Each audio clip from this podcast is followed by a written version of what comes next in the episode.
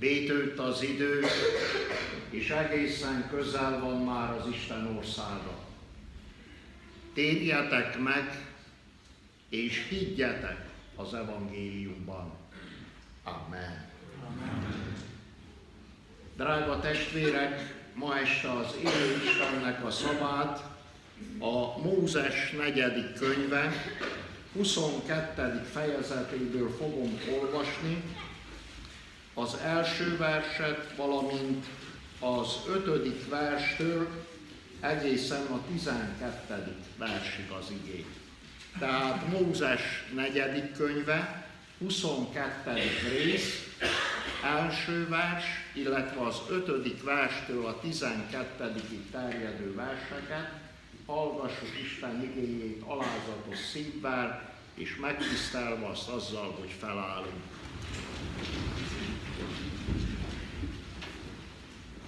Elindultak Izrael fiai, és tábor ütöttek a Moab síkságán, a Jordánon túl Jerikóval szemben. Abban az időben Bálák Cippor fia volt Moab király.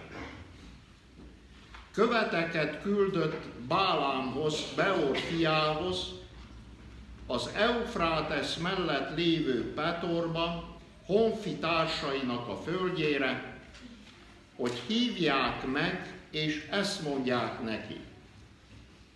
Ime egy nép jött ki Egyiptomból, és már ellepte a föld színét, és velem szemben telepedett le. Ezért jöjj el, átkozz meg ezt a népet, mert erősebb nálam. Talán akkor meg tudom verni, és kiűzöm az országból.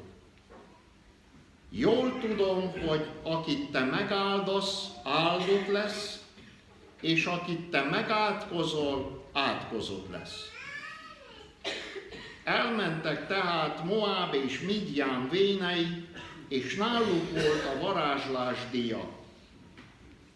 Megérkezve Bálámhoz, elmondták neki Bálák üzenetét. Ő ezt felelte nekik. Maradjatok itt éjszakára, és én beszámolok nektek arról, hogy mit mondott nekem az Úr. Moab vezető emberei ott maradtak Bálámnál.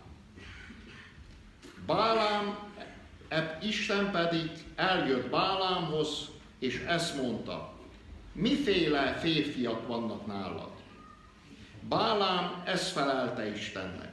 Bálák, Cippor fia, Moab királya ezt üzente nekem, egy nép jött ki Egyiptomból, és ellette a föld színét. Jöjj tehát és ronsd meg azt, talán akkor meg tudok vele küzdeni, és ki tudom űzni. De Isten ezt mondta Bálámnak, ne menj el velük, ne átkozz meg azt a népet, mert áldott az. Ne átkozz meg azt a népet, mert áldott az. Amen. Amen. Foglaljunk helyet,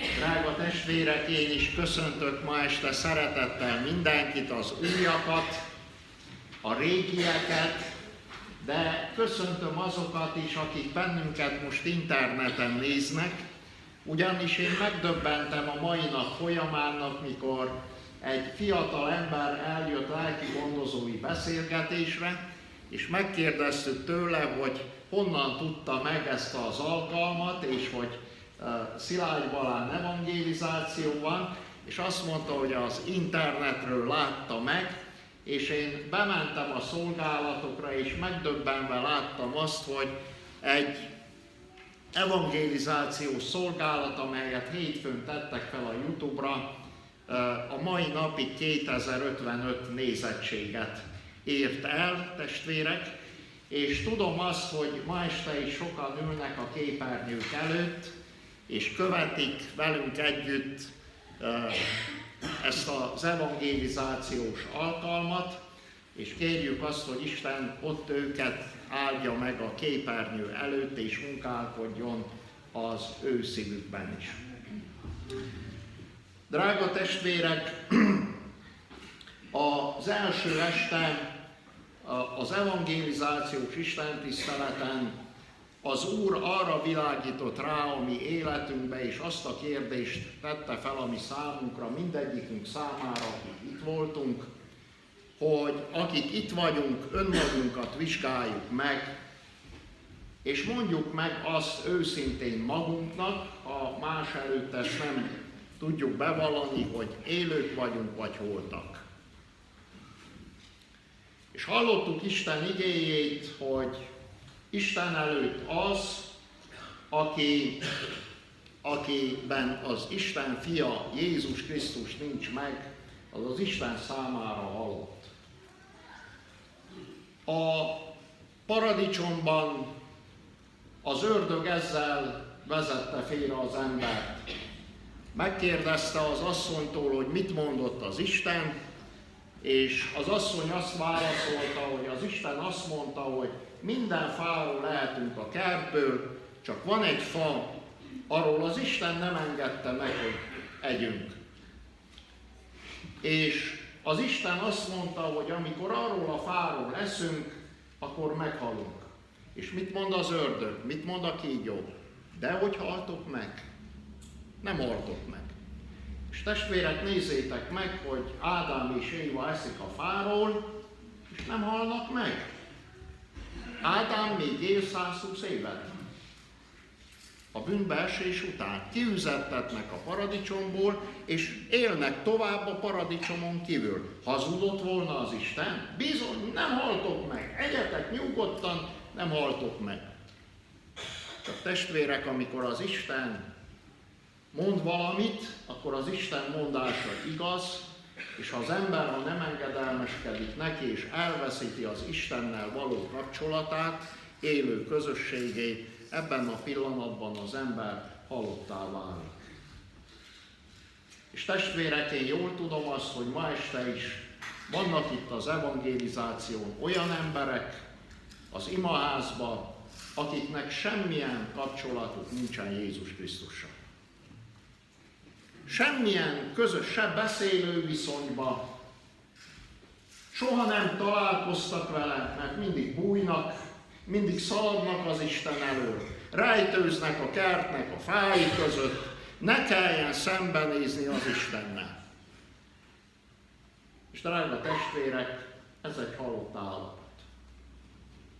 És a halott állapotnak a természetes velejárója, mert azt mondja Jeremiás hogy az Istennek a panasza az ilyen ember ellen az, és ebbe beletartozik az ő népébe és Izraelbe az, aki nem tér meg, az a panasza az Istennek, hogy engem az élő víznek a forrását elhagytak, és a repedezett pocsolyás kútakhoz, moslékokhoz pedig odahajoltak, odafordultak.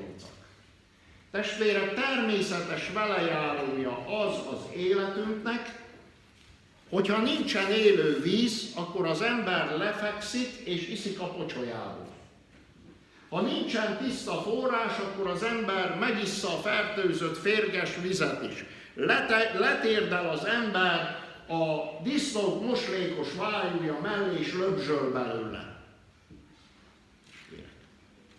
Ha az élő vizet megvetjük, és az érő víznek a forrását, akkor természetes velejárója az, hogy elkezdünk más kutakhoz járni, repedezett forrásokhoz, és a tegnap este Isten azt kérdezte tőlünk, hogy rabok vagyunk, vagy szabadok. Te rab vagy, vagy szabad, mert az idegen forrásvíz az rabbá teszi az embert.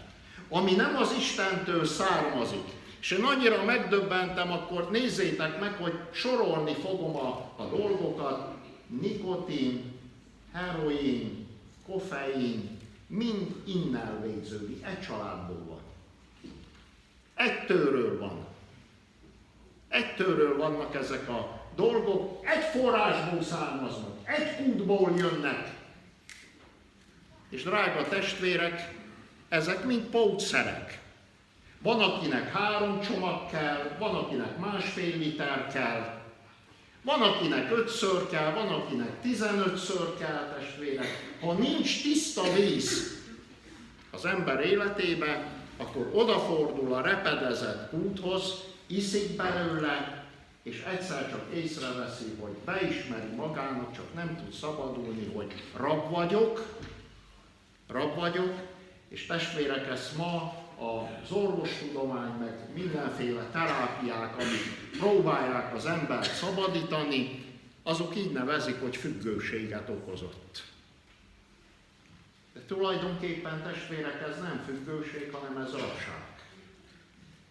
És az emberek nézzétek meg, hogy különböző módszereket találnak ki, pókkávékat, koffein nélkül, tapaszokat, hogy a nikotin pótolja, alkoholmentes söröket találnak ki, hogy hát, hogyha vala, valakit meg lehetne vele gyógyítani, miközben mi az este hallottunk egy csodálatos gyógymódról, a názáreti Jézus Krisztusnak a, a drága véréről, amelyről ma beszélgettük azt, hogy Pocsai Sándor testvéremnél Kárpátalján Amióta működik az alkoholmentő misszió, 15 ezer ember gyógyult meg az alkoholból, és a református lelkész kollégái Sándor testvéremtől mindig azt kérdezik, mikor találkoznak vele, hogy te Sándor, te azt gondolod, hogy valaki csak úgy az alkoholtól tíz nap alatt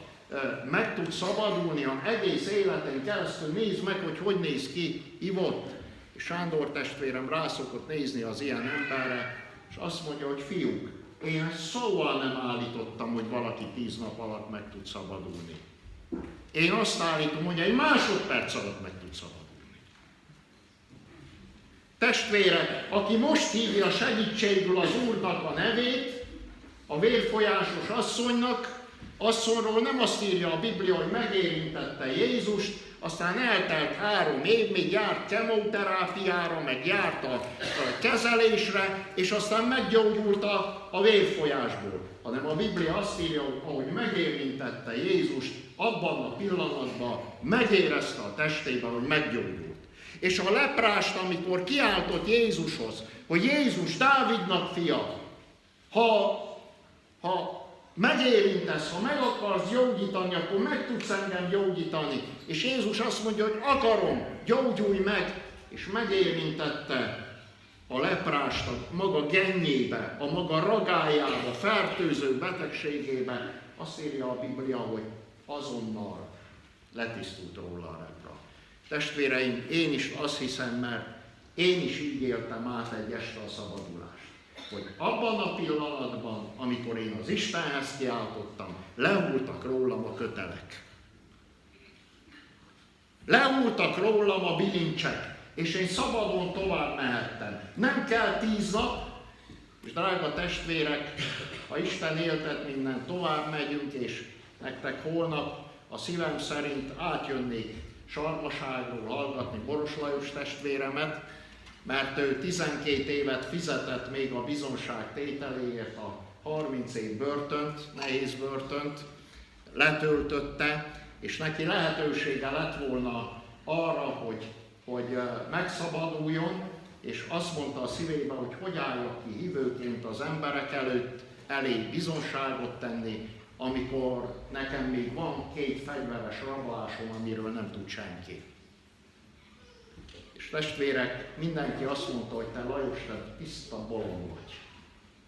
És testvérek azt mondta, hogy én nem állok ki úgy az emberek elé, hogy az Isten tudja, meg én, aztán én beszéljek az embereknek az Istenről, és testvérek elment vissza a börtönbe, elmondta, feladta magát, kapott még 12 évet, és drága testvérek, ezzel a 12 évében aláírja, hogy hiteles a szabadulása aztán, hogy milyen csodákat élt át, hogy hogy tért meg a saját börtönparancsnoka, azt majd el fogja mondani ő. De testvérek, én azt tartom itt ma este Szilárd Balán, hogy akinek három este nem elég, annak nem elég harminc se. És akinek három prédikáció nem elég, annak nem elég három ezer se. Tehát aki nem tér meg, nem tér meg az Istenhez, nincs benne vágy az életében, az testvérek bujik, megy, magyarázkodik, okokat talál. És testvéreim, ma este én arról szeretnék beszélni, hogy annak az életében átok van. Annak az életében átok van. A ma esti evangelizációnak ez a címe, hogy a te életedben, és ez a kérdése, hogy a te életedben áldás van, vagy átok van.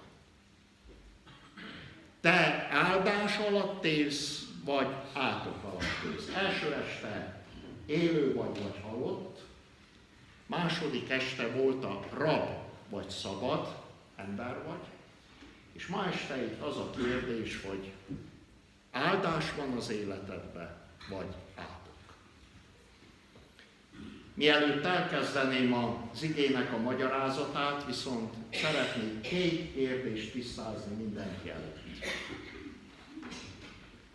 Az első kérdés, drága testvérek, az, hogy az átok vonal az öröklődik.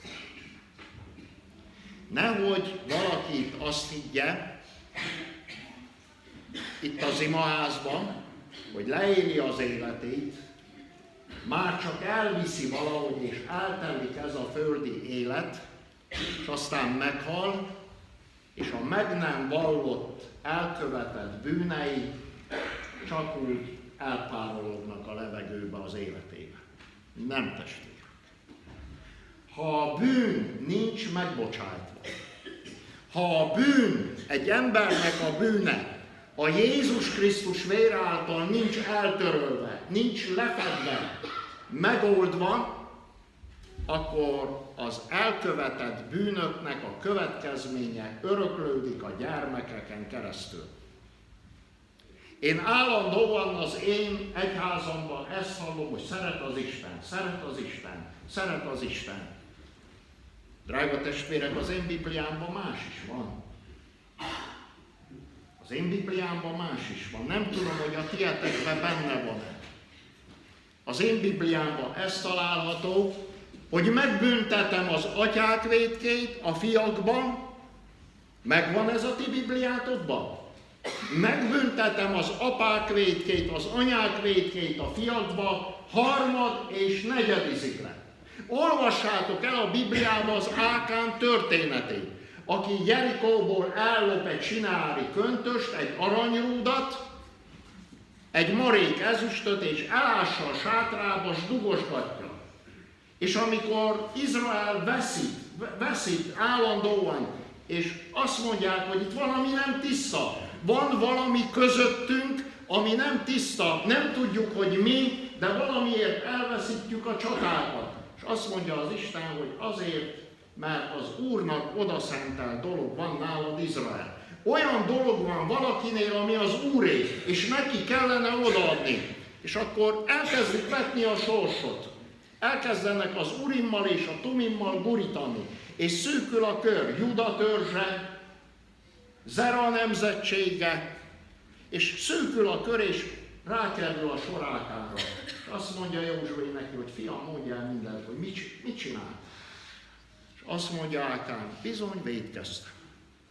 Megláttam Jerikóba egy gyönyörű sinálú köntös, egy aranyú, egy ezüstöt, elvettem, elástam a sátramba, örülni nem tudok, használni nem tudom, ott van.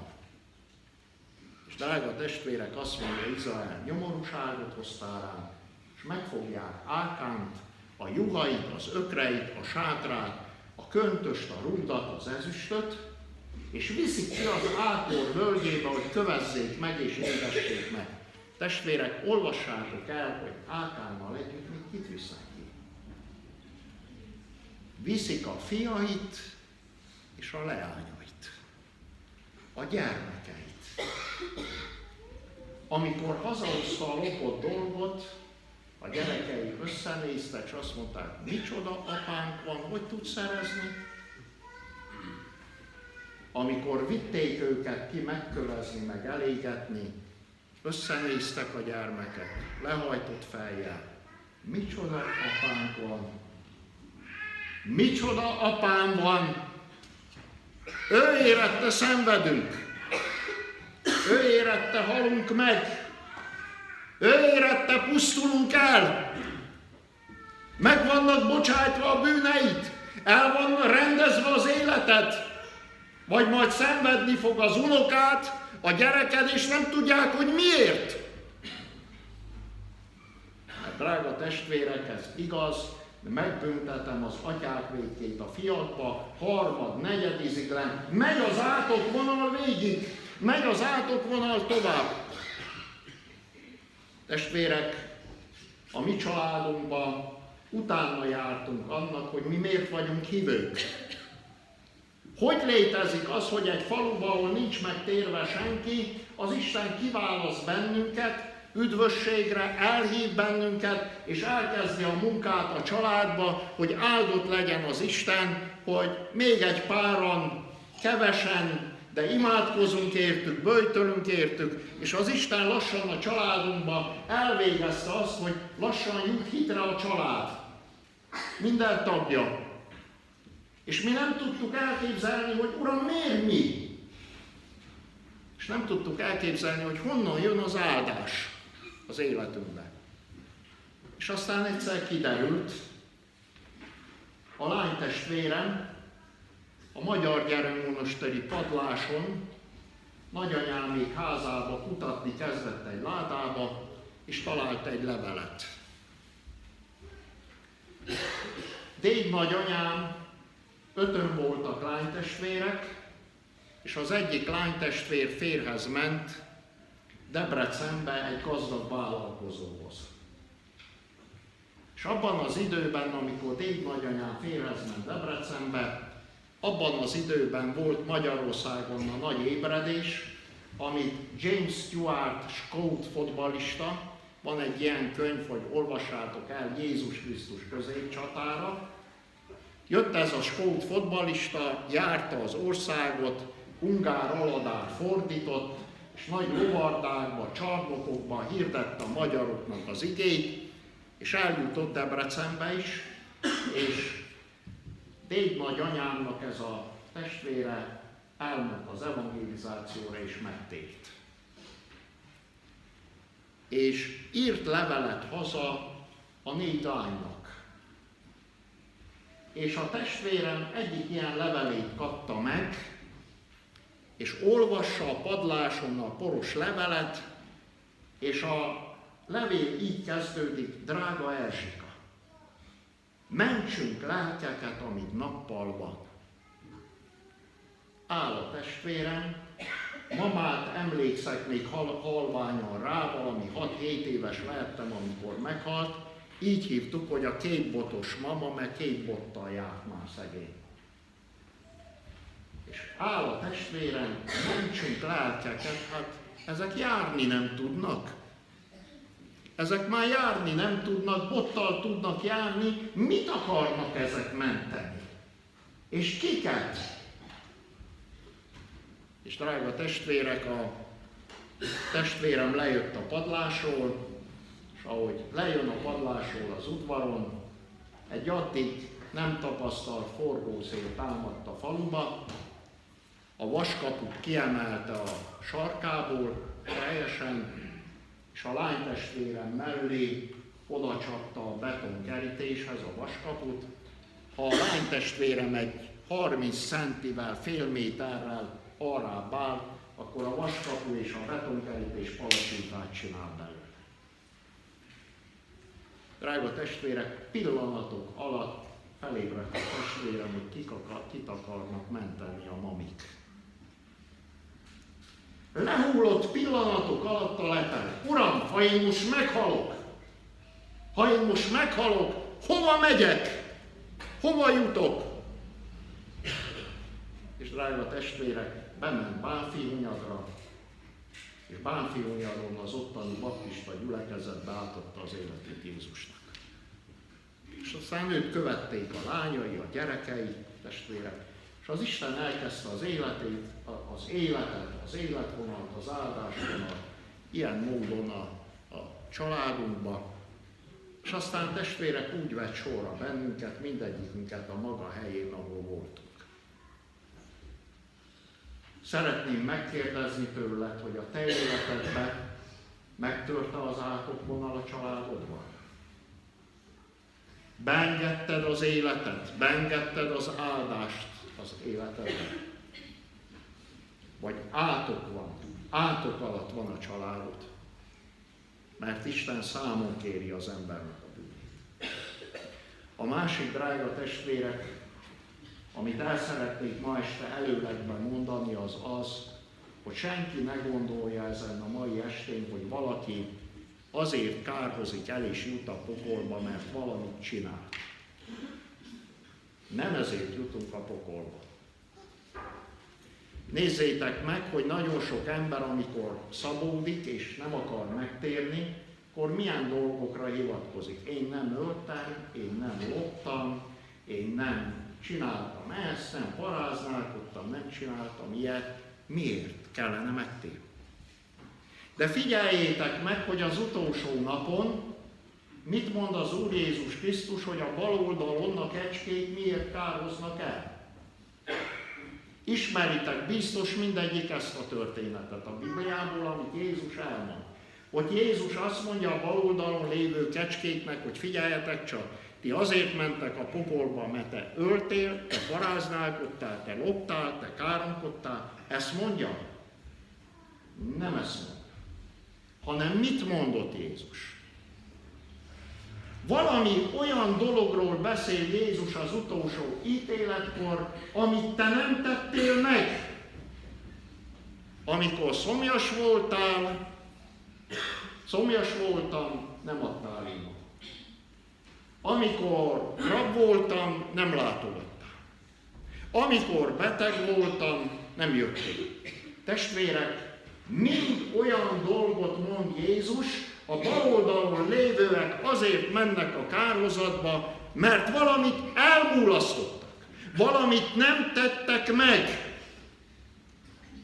És tudjátok, hogy Jézus mit mond a zsidóknak, hogy mi a legnagyobb bűn? Hogy mi a legnagyobb bűn? Azt mondja Jézus, a legnagyobb bűnötök az, hogy nem hittetek benne.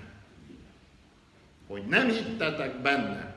Ha hittél volna benne, ha követted volna az élő víznek a forrását, akkor nem csináltad volna, mert ennek a következménye az, amit mi csinálunk. Hogy hazudunk, káromkodunk, lopunk, paráználkodunk, és sor, lehetne sor, irigykedünk, gyűlölködünk, plegykálunk testvérek. Ez azért van, mert azt mondja Jézus, hogy nem hittetek bennem. Azért, amit tettél ma este, hallgass meg, amit te tettél ebben az életben, azért az Istennek a fia fent a kereszten meghalt. És amikor Jézus a kereszten meghalt, akkor azért halt meg, hogy eltörölje az egész bűnödet, és ő azt mondta, hogy elvégeztetett. Azaz asszony, menj el, mert meg vannak bocsájtva a bűneid. Menj haza, mert meg vannak bocsájtva a bűneid. Elvégeztetett érted minden. És drága testvérek, jön Gyuri bácsi, benyúl a belső zsebébe, és azt mondja, jó cselekedet. Jön Kati néni, és benyúl a másik zsebébe, és előveszi, templomba jár. És jön a harmadik, és azt mondja, persejpénz. Mennyi? Legtöbb tíz lej. Az Isten meg lehet venni tíz lej, nem? Meg ötven lej. Meg száz lej. Vagy mennyiért lehet az Istent lefizetni, testvérek? Kérdezzétek meg Gigi Békálitól. Mennyit kell adni, hogy a mennybe Testvérek, elvégeztetett minden ha valaki ma este itt közülünk a pokolba kerül, elkápozik, az egyetlen egy dolog miatt van. Nem azért, mert ivott, nem azért, mert lopott, nem azért, mert paráználkodott, nem azért, mert ezt vagy azt csinálta, hanem azért, mert azt az áldozatot, amit a bűnéért valaki a vérébe elvégzett a kereszten, nem fogadja el. Nem fogadja el. Nekem nincs mit kezdjek vele. Hát én jó vagyok, galamszívet örököltem az édesanyától. Én olyan jó vagyok, én nem is tudom, hogy miért halt meg ez a Jézus a kereszten. És testvérek, megyek a jóságommal megváltatlanul a kárhozatba. Drága testvérek, a nagy kérdés ma este az, én így fordítom ezt magyar nyelvre az áldás, vagy átok, hogy az Isten népéhez tartozol, vagy nem tartozol az Isten népéhez. A tegnap este hallottuk, hogy Mózes, és aztán az Isten népe kijött a rabságból Egyiptomból, és elindul az ígéretnek a földjére. És mielőtt az ígéret földjére bemennének, az ígéret földje úgymond kapujába található Moabnak a mezeje Jerikóval szemben. És Jerikóval szemben a Moab mezein letelepszik Izrael, és Moab már készül bemenni a, az Isten országába, a Kánoán földjére, amikor történik valami. Moab mezejének a királya, Bálák, látja az Isten népének a sátorait, a rendet, az Isten népe között, és megijed, hogy ezek elfoglalják az ő országát. Holott Isten megmondta mindig Izrael népének, hogy Moabnak, meg Ammonnak ne nyúljanak hozzá, mert ezek a Lót leszármazottai, Ábrahám unokaöccsének Lótnak a, a vérfertőzéséből, a két lányától származó nép, és el soha nem volt szabad nyúlni. Izrael Moab mezején is csak át akart menni. És Bálák, a Moab királya, látja Isten népét letelepedni, megijed, és eszébe jut valami, hogy az ő szülőföldjén Szíriába, Peorba, az Eufrátesznek a partján van egy néző. Van egy látnok, akiről később kiderül a Bibliában, hogy ő, jól kezdte, volt neki élménye azzal, hogy Istennel hogy lehet kapcsolatot teremteni, mert kapcsolatot is teremt az Istennel, tehát van valami viszonya, volt valami viszonya valamikor az Istennel, de a Biblia azt írja, hogy pénzért tévegésre adta magát. Ez többször le van írva az evangéliumban, Judás apostol is ír róla, nem az Iskariótes, a jelenések könyve is, hogy Bálám szerette a pénzt, és a pénzért tévegésre adta magát. És elkezdett olyan dolgokat tenni pénzért, rontásokat, igézéseket, megcsináltatásokat, amiből ő pénzt húzott. És az ördög, mert könnyű testvérek az Isten oldaláról átbillenni az ördög oldalára, az ördög adott neki egy ajándékot, mégpedig azt az ajándékot adta, de mindjárt meglátjuk, hogy kiket tudott evel megvezetni, azt az ajándékot adta, hogy akit ő megáldott, az áldott lett, és akit ő megátkozott, az átkozott lett. Testvérek, Bálán, Bálák, Moab királya üzen ennek a nézőnek, Bálámnak, elküldi a vezéreit jó vastag borítékokkal, és azt mondja, hogy menj el, menjetek el Bálámhoz, és vegyétek rá arra, hogy jöjjön el ide, és átkozza meg Izraelnek, Istennek a népét, mert ha megátkozza, akkor meg lehet, hogy én le tudom őket győzni.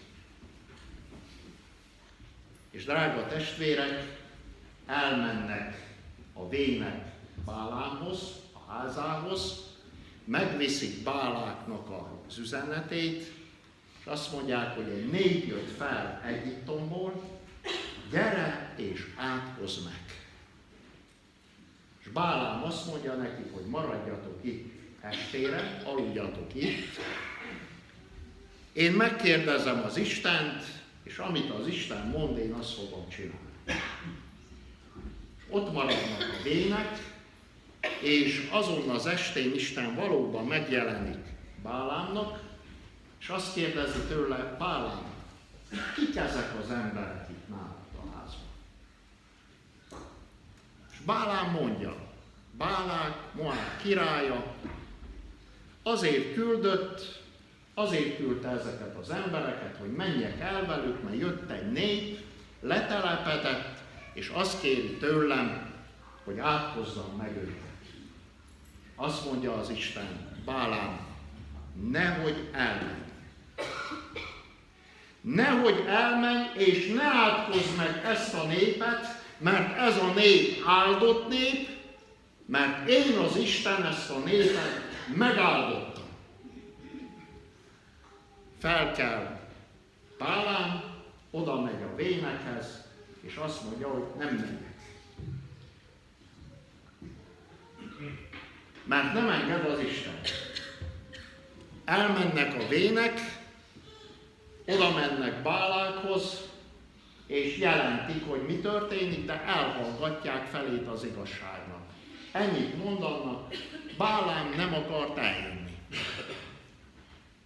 Bálám megáll, gondolkozik, és azt mondja, mi lehet itt, biztos nem elég a cekk. Biztos nem küldtünk neki elég pénzt. Küldjünk neki több pénzt, küldjek neki nagyobb vezetőket, hát ha akkor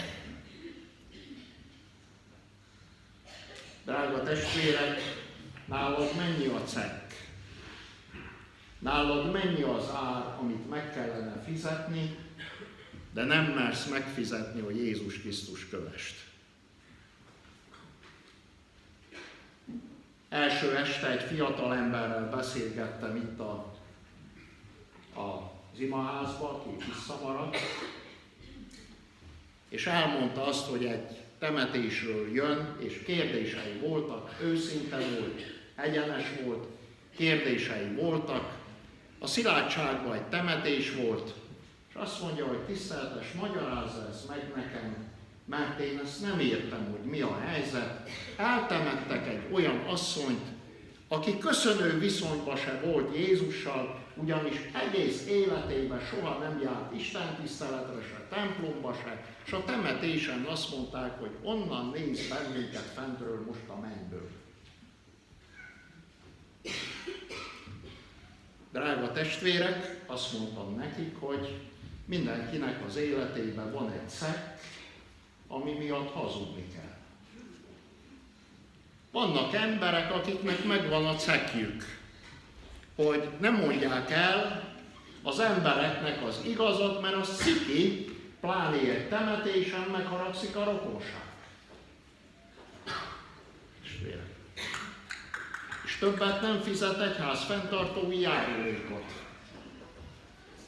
Testvérek, szeretném elmondani ma itt őszintén, hogy az én életemben nincs hazugságcek.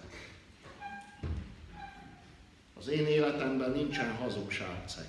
Ismertem egy drága román testvéremet, feleségem hallotta bizonságot tenni hátszegen, és őróla tudtam meg azt, hogy meghívták egy temetésre, és egy nagyon gazdag vállalkozónak a testvérét kellett eltemetni.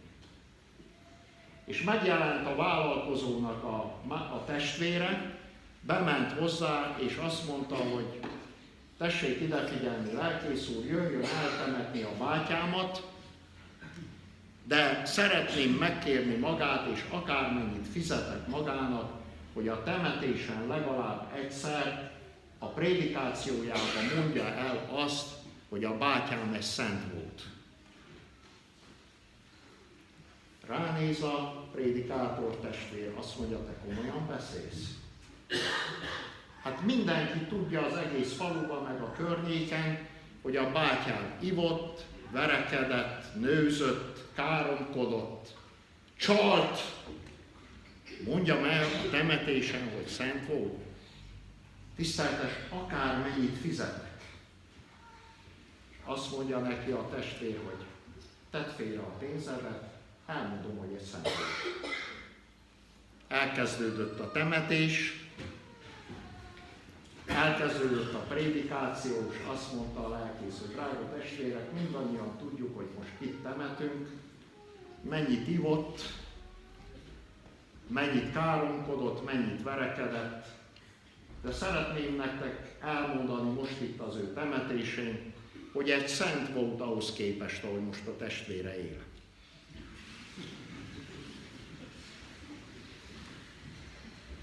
Drága testvérek, mennyi a cekk, amiért nem mondod el az igazat? És hadd kérdezzem meg, mert itt nekem annyira világos volt minden este, amíg szolgáltam, hogy testvérek, itt senki nem aludt. Tele van a karzat, alul. Néztem a kis mamikat, hogy mit csinálnak. Itt senki nem aludt ezen a héten, és annyira láttam a szemetekbe azt, hogy itt nem is nagyon kellene prédikálni, mert itt mindenki mindent tud. Itt az emberek, itt nem arról van szó, mint ahogy megyek Szerbiába, meg Szlovákiába, és utazok 150 kilométert, és valahogy nagy nehezen egy faluba találok három hívőt. Aztán utazok még 100 kilométert, és ott kapok négyet. Úgy elmondtam azt, hogy Szerbiába ez lenne, ami itt van, amit mi estéről estére átéltük, hogy tele van a karzok meg alul, és jó melegbe, fénybe, ennyien vagyunk, és a kórus énekel, és imádkozunk együtt, hát azok öt percét hálát adnának az Istennek. Azok öt percét itt, amit mi átélünk, azok egy napig, meg egy hétig áldanák az Istent. És drága testvérek, mi itt vagyunk, nekünk ez megadatott, és itt nem úgy van, hogy nincs bizonságtétel. Meg hogy nem tudom, hogy mi a megtérés. Meg még nem láttam is. Hanem testvérek, itt mindenki tudja, hogy mi a dörgés. Itt most már azt kell eldönteni ma estétől, hogy ettől az estétől kezdve marad a családomban az életem az átok, mert én a cekket nem tudom megfizetni, mármint neki, nem embereknek, nem tudom megfizetni az üdvösségemnek az árát, mert ha megtérek, akkor oda a sör, akkor oda a bár, oda a haverok, ki tudja, mit fog mondani rólam a falu, testvérek. És embereknek a véleménye miatt menjünk a pokolba. Menjünk a pokolba, kározunk el testvérek, és marad az átok. És marad az átok. Testvérek, amikor én megtértem, akkor nagyon jól tudtam azon az estén, hogy mi az ára megtérésemnek. De drága testvérek, engem az Isten azon az estén megerősített, és én azon az estén nem tanakodtam testtel és vérrel. És nem egyezkedtem az agyammal, hogy mit mond meg a szívemmel, hanem én meg akartam nyerni az életet, az örök életet. És nem érdekelt, hogy mi veszik, mi múlik el, mibe kerül az Úr Jézus Krisztusnak a vezeté, a kegyel. Testvérek, azt gondolja Bálák, hogy nem küldtünk elég pénzt Báláknak. És küld még több pénzt, még nagyobb vezetőket, és azok is megérkeznek és mondják, és bár az Isten világosan elmondta Bálámnak, hogy ne menjen, ezért mégis Bálám azt mondja, hogy aludjatok itt, még egyszer megkérdezem az Isten. És azon az estén eljön az Isten, és azt mondja, hogy Bálám, látom, hogy nagyon. Látom, hogy a szíved nagyon benne van ebbe a dologba. Hát menjél. Testvérek, elenged az Isten. Nem futott se a tékozó fiú után az atya, nem futott se a gazdag ifjú után, hogy gyere csak vissza, fiam, ilyen sok ez a tíz parancsolat, hatot lengedünk belőle. Maradj csak négy, lejjebb engedjük a lécet, jó? Jó lesz, akkor itthon maradsz. Nem futott. Nem futott utána. Testvérek, azt mondja Bálámnak, hogy menjél, csak hogy Bálám, ahogy felül a szamarára és elindul erre az útra, megérkezik egy ilyen keskeny hágóhoz, szoroshoz, ahol épp hogy a szamárral át lehet menni, és az Isten angyala egy kivont karddal megáll előtte. És a boldogtalan ember nem látja az Isten angyalát a karddal, a szamár látja. És a szamár leáll. És Bálám elkezdi ütni a szamarat, hogy menjen. És a szamár megfordul, kitérőt tesz a mezőre, a szamár odaszorítja Bálámnak a lábát a sziklafalhoz, és végül már nem bírja a szamára vel, és összeesik. Akkor sem megy, mert látja az angyalt a kardon. És akkor az Isten kinyitja Bálámnak a szemét. És meglátja ez az ember, hogyha a szamár még lép egy lépést, akkor ő most holtan ott feküdne, elpusztulva az úton, és megijed. Jaj, Uram, ez ilyen komoly? Akkor nem megyek. Nem megyek tovább.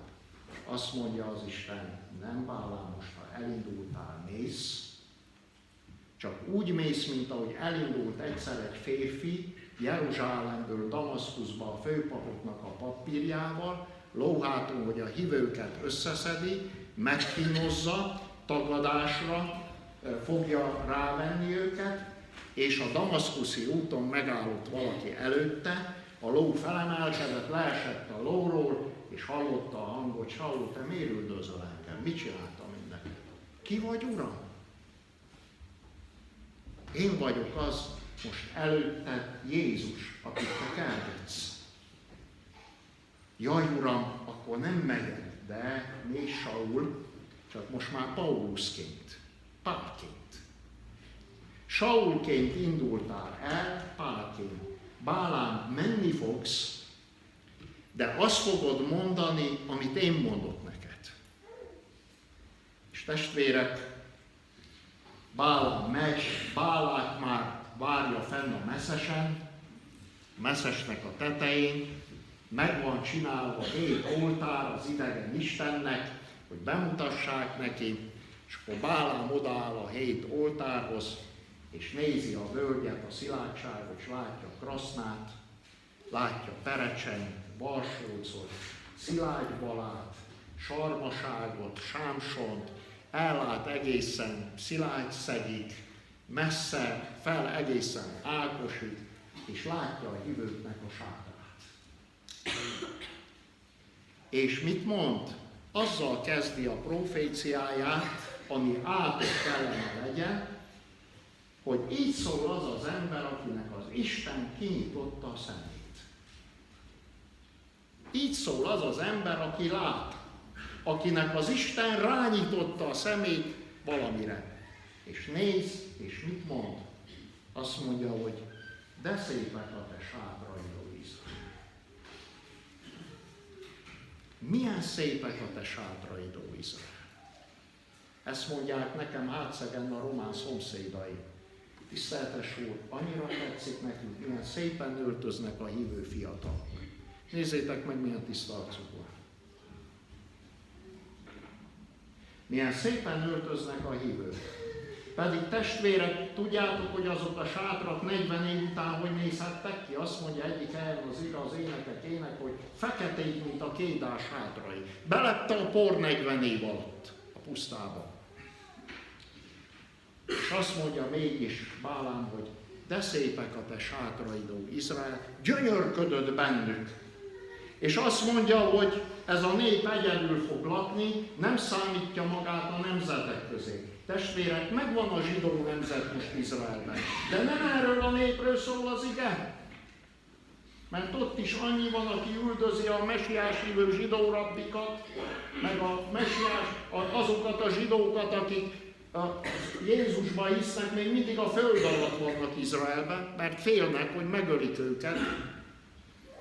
Hanem testvérek, van egy nép, amelyet az Isten kihívott a magyarok közül, románok közül, a cigányok közül, a szlovákok közül, a hollandok közül, a koreaiak közül, és azt mondja, hogy ez a nép, ez nem nemzet, Nem nemzet alapon működik, de ez egy nép, az Istennek a népe. És ez nem számolja magát a nemzetek közé, nem lehet megszámolni őket, mert annyian vannak, mint a földnek a pora. És azt mondja, hogy hogyan ronthatnám én ezt meg, ezt a népet, amelyet az Isten megáldott, és azt mondja, hogy bárcsak úgy halhatnák meg, mint ezek közül egy. Testvérek, tőlem annyian kérdezik meg mindig, hogy Miklós tiszteletes, miért mosolyognak a hívők, mikor halnak meg? Tudjátok, hogy mit hiszek testvérek? Hogy az történik velük, ami Istvánnal történt a halála előtt. Istvánnak leírja a lelki szinten is a halálát a Biblia, hogy mielőtt kövezték volna meg, felemelte a szemét, és azt mondja, hogy látom az Isten fiát állni az atyának a jobbján. Mi történik Istvánnal? A halála előtt egy fél másodperccel az Isten kinyitja előtte a mennyet, és azt mondja, hogy István, nézz fel és nézd meg, hogy hova vész. Megmutatom neked a halálod előtt egy fél perccel haldoklott a hátszegi medencébe egy parasztpróféta, egy hívő román baptista bácsi, és a halálos ágyán mosolyog, mosolyog, mosolyog, és azt kérdezi tőle a fia, apuka, mind mosolyog? Az kis öreg kinyitja a szemét, ránéz, és azt mondja, hogy fiam, az Isten most visz engem végig azokon a gyülekezeteken, ahol bizonságot tettem, és most mutatja meg azt, hogy a bizonságtételem által hány ember jutott a mennybe. Egy fél perccel a halála előtt, hogy ne higgy el magát az életbe. De az Isten megmutatja, és megmutatja majd azt, hogy hova mész, és hogy ne félj a haláltól. A halál völgyén elébet fog jönni Jézus, és megfogja a kezedet, és vinni fog keresztül a halál árnyékának a völgyén, és hallani fogod majd, hogy hogy dörömböl a pokol ajtaja, és milyen üvöltés van benn, meg iszonyat van benn, és azt fogja mondani Jézus, hogy ne félj, én ezt neked bezártam. Nem tud beszippantani. Nézd az üvegtengert előre, megyünk, és viszlek. És ezért mosolyognak a hívők a haláluk előtt, mert tudják, hogy hova mennek. És azt mondja Bálám, úgy szeretnék meghalni, úgy, mint ezek közül egy, csak van egy baj Bálámmal, hogy élni nem akart úgy, ahogy a hívők élnek. Neki kellett volna a hívőknek a halál, hogy úgy halni meg, ahogy a hívők, csak egy nem kellett, élni úgy, ahogy a hívők. És drága testvérek, nem úgy halt meg, ahogy a hívők, hanem csúnyán halt meg. Három lappal később, amikor Izrael megtámadja Midian, akkor a harcba azt írja, hogy Bálamot is megölték. Erőszakos halált halt. Mert neki a hívők halála kellett volna, csak a hívőknek az élete nem kellett. Holott testvérek sorolja a sok áldást, nézi a sátrakat, és sorolja a sok áldást, és azt mondja, hogy vele van, mondja, hogy milyennek a népnek a jellemző, és hallgassátok meg, hogy milyen szép dolgokat mond. Vele van Isten az Úr, az ő népével. Királynak szóló újongás hangzik belőle. Testvérek, nem, nem tetszik nektek, mikor jöttök be az imaházba, hogy hallatszik ki az élet? Királynak szóló újongás van. Aztán olyan az ereje, mint a börénszal. Aztán nem fog a varázslás Jákobon, sem az igézet Izraelen. Ez a nép, mint nőstény oroszlán kell föl. Olyan, mint a folyó mellett húzódó völgyek, és a folyó mentén a kertek, mint az ültetett alójék és a vízmenti cédrusok. Kicsordul a víz a medreidből, vetése bővizeknél van, tehát annyira nagy az áldás, hogy mások számára is jut. Kicsordul a vederből a tiszta víz, az áldás. És akkor végül azt mondja, hogy áldott, aki téged áld, és átkozott, aki téged átkoz, És van egy ige testvérek, amelyet szeretnék elmondani. Nem látnak bajt Jákobba, és nem látnak nyomorúságot Izraelbe. Ez azért fontos, drága testvérek, mert a világ az nagyon nagy nyomást tesz a hívő emberre. A hátszegi medencében volt egy asszony, aki az ortodox egyházból megtért, átment baptistának, baptista egyházba lett tag, és rövid időn belül megbetegedett. És jöttek testvérek a szomszédok, a rokonok, és azt mondták neki, hogy te tudod, hogy miért vagy beteg? Mert elhagytad az ősi ortodox vallást, és az Isten most ezzel büntet. És drága testvérek, én ennél nagyobb kísértést nem látok egy ember életében, mint hogy az ember rálép a jó útra, rálép az Isten útjára, az evangélium útjára, és jön a világ, és azt mondja, hogy minden baj azért van az életedben, mert, mert te az ősi vallásodat elhagytad. Drága testvérek, ez az én életemben azért nagyon fontos, mert amikor mi a tiszteltes asszonyal ben voltunk a rákutatóban, és életünk legnagyobb, házasságunk legnagyobb próbáját éltük át, akkor nekünk is volt ilyen kísértés, hogy otthon hátszegen azt kérdezték, látták a hívő életünket, a gyülekezet. Ekkor már kilenc, majdnem tíz éve voltunk ott lelkészként, és akkor mentem haza a kórházból, és azt kérdezi az egyik gyülekezeti tagom, hogy na tiszteltes úr, mire volt jó a maguk nagy hite, a maguk életében az Isten ezt megengedi. És mondom, Józsi bácsi tudja, hogy mire volt jó? Hogy én ott a folyóson megkaptam egy papírt. Megkapták a többi asszonyok is mell nélkül, mély nélkül, aj nélkül, és láttam asszonyokat, mintha a halálos ítéletüket vették volna a kezükbe, neki támaszkodtak a folyósón a falnak, és nem tartotta őket, a lábuk csúsztak lefele, és összeestek a folyósón. Drága testvérek, én nem estem össze, mert nekem az onkológián is volt egy Istenem. Aki nekem egyszer azt ígérte, amikor letettem 20 évvel ezelőtt a családomat, a jövőmet az ő kezébe, ez az Isten azt mondta, hogy hívj engem segítségül a nyomorúság idején. Nem azt mondta, hogy Bódis Miklós, most megtértél, nem lesz többet nyomorúság. Vagyon megtellik a zsebet pénzzel, ezt prédikálják a hídgyülekezetbe. Gyere, térj meg, pénzed lesz, és ha valami betegséged van, akkor veled valami nincs rendben, lelkileg. Testvérek, én a keresztnek a botrányát, meg a szenvedésnek a botrányát prédikálom. Hogy aki megtér, nem árulok zsákba macskát, fel kell vegye az ő keresztjét, és vinni kell a keresztet, és a keresztet nem lehet ledobni. De testvérek, ezekben a próbákban és szenvedésekben melléd áll az Isten.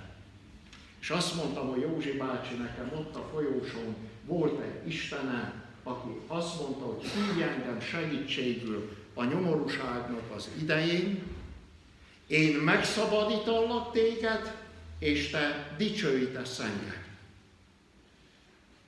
És drága testvérek, én mindig azt szoktam mondani, hogy aki elindul Jézus Krisztus követni, ha az én életemben csak akkor kezdődtek a próbák testvérek.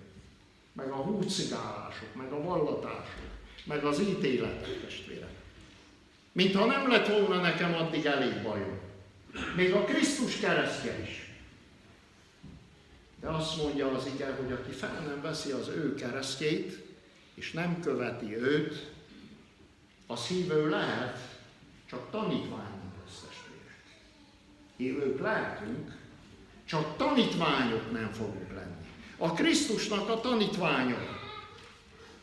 Tanítvány az, aki felveszi a keresztet, oszlop majd a mennyei Jeruzsálembe az lesz, akinek itt a földön egyszer kipróbálták a szakító szilágyságát. Mennyit lehet rárakni?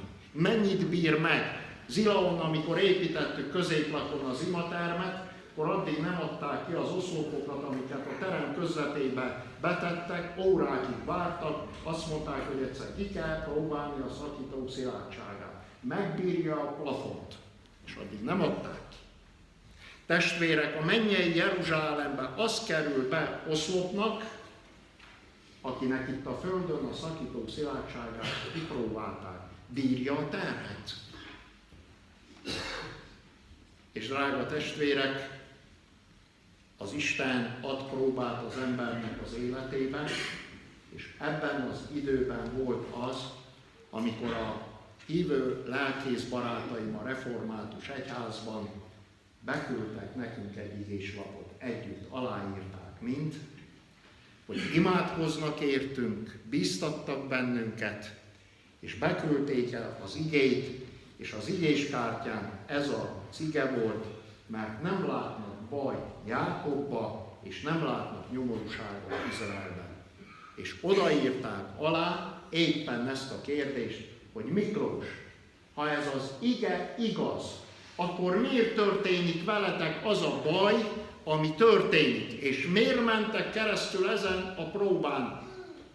És testvérek, annyira örültem, mert meg is válaszolták a kérdést. És a válasz ez volt, Miklós, az Isten szemébe ez nem baj. Az Isten szemébe nem baj. És hogyha az Isten szemébe nem baj, akkor hadd jöjjön mert testvérek, van egy ige a Bibliában, és hívő testvérek, ezt ne felejtsétek el, ezen röhög a világ. Tudjátok, hogy hogy hangzik ez az ige? Az ítélet az Isten népén kezdődik el. Az ítélet itt a Földön az Isten népén kezdődik el. Azt mondja az Úr, Péter, kikért titeket az ördög, hogy megrostáljon de azt mondja, én imádkoztam érted, Péter, hogy a rostába el ne fogyatkozzon a te hited, te azért idővel megtérvény, Péter. Te azért idővel megtisztulván, ha a búzáról lehull a bolyva, és tiszta gabona lesz, te idővel megtisztulván a többieket, a halófélben lévőket erősíts meg. Ezért van a rosta, testvérek. Ezért van az, hogy József a börtönbe meglátja a két másik nyomorultnak a baját. Nem magával foglalkozik a börtönbe, volt neki is elég baja, hanem azt kérdezi, hogy mi rosszat álmodtatok, mi van veletek, miért vagytok felkavarodva. Tudjátok, hogy miért? Mert a nyomorúsága kinyitotta a szemét a másik nyomorúságá. És drága testvérek, az ítélet ezen a földön az Isten hívő népén kezdődik el, hogy a mennyasszonyt megtisztítsa az Úr, hogy mire oda jutunk, ne legyen sömörgőzés, sümölcs, folt rajtunk, és kacag ezen a világ. Mi a hívők is hogy szenvednek? Hát mi értelme van a hitnek? Csak hogy drága testvérek, tudjátok, hogy mi van a Bibliában, hogy folytatja ezt az igét az Úr. És azt mondja, mi lesz a vége akkor azoknak, akik nem hisznek. Az ítélet az Isten népén kezdődik el. És ha az Isten népén ilyen drasztikus az Isten ítélete, mert rettenetes dolog az élő Istennek a kezébe kerülni, de mi lesz majd akkor a hitetlenekkel? Mert testvérek, egyszer mindannyian meg kell álljunk az Istennek az ítélőszék elő, és számot adni arról, amit ebben az életben cselekedtünk, és nézzétek meg az Ezékielben, az Ezékiel 9.10-ben, az Isten kiküldi a pusztító angyalait Jeruzsálemre, hogy égessék fel, perzseljék fel Jeruzsálemet, és akkor azt mondja, hogy az ítéletet az én szentély emlékezzétek el. Csak hogy történik valami. Előre küld az Isten valakit, és azt mondja, hogy tegyetek pecsétet az enyém homlokára, hogy azoknak semmi bajuk nem. Kedves testvérek, lefordítom ezt nektek, hívő testvérek, magyar nyelvre, jó? Egy mondatban. Ez így hangzik, megpróbálva leszünk, de elhagyatva soha. megpróbálva leszünk. Isten meg fog bennünket próbálni, és át kell menjünk próbákon, ahhoz, hogy megtisztuljunk, ahhoz, hogy megszentelődjünk, ahhoz, hogy a, a mocsok, a sár lejöjjön rólunk, az Isten időnként beletesz a rostába minket, és elkezd bennünket rostálni, de a rostának egy célja van, lehújjon a polyva, tiszta legyen a mag, és te idővel megtérvén a többiekbe öntsél lelket, a többieket erősítsed. Drága testvérek, nem fog a baj Izraelen? Nem. Akkor miért történik velem? Miért kell én járjak Kolozsvárra, Rákutatóba? Miért kell menjek ide? Miért halt meg a múltba az, akit szerettem? Miért van a gyermekeim? Miért, miért történik ez? Isten azt mondja, hogy ez nem baj. Ez nem baj. A baj az egészen más.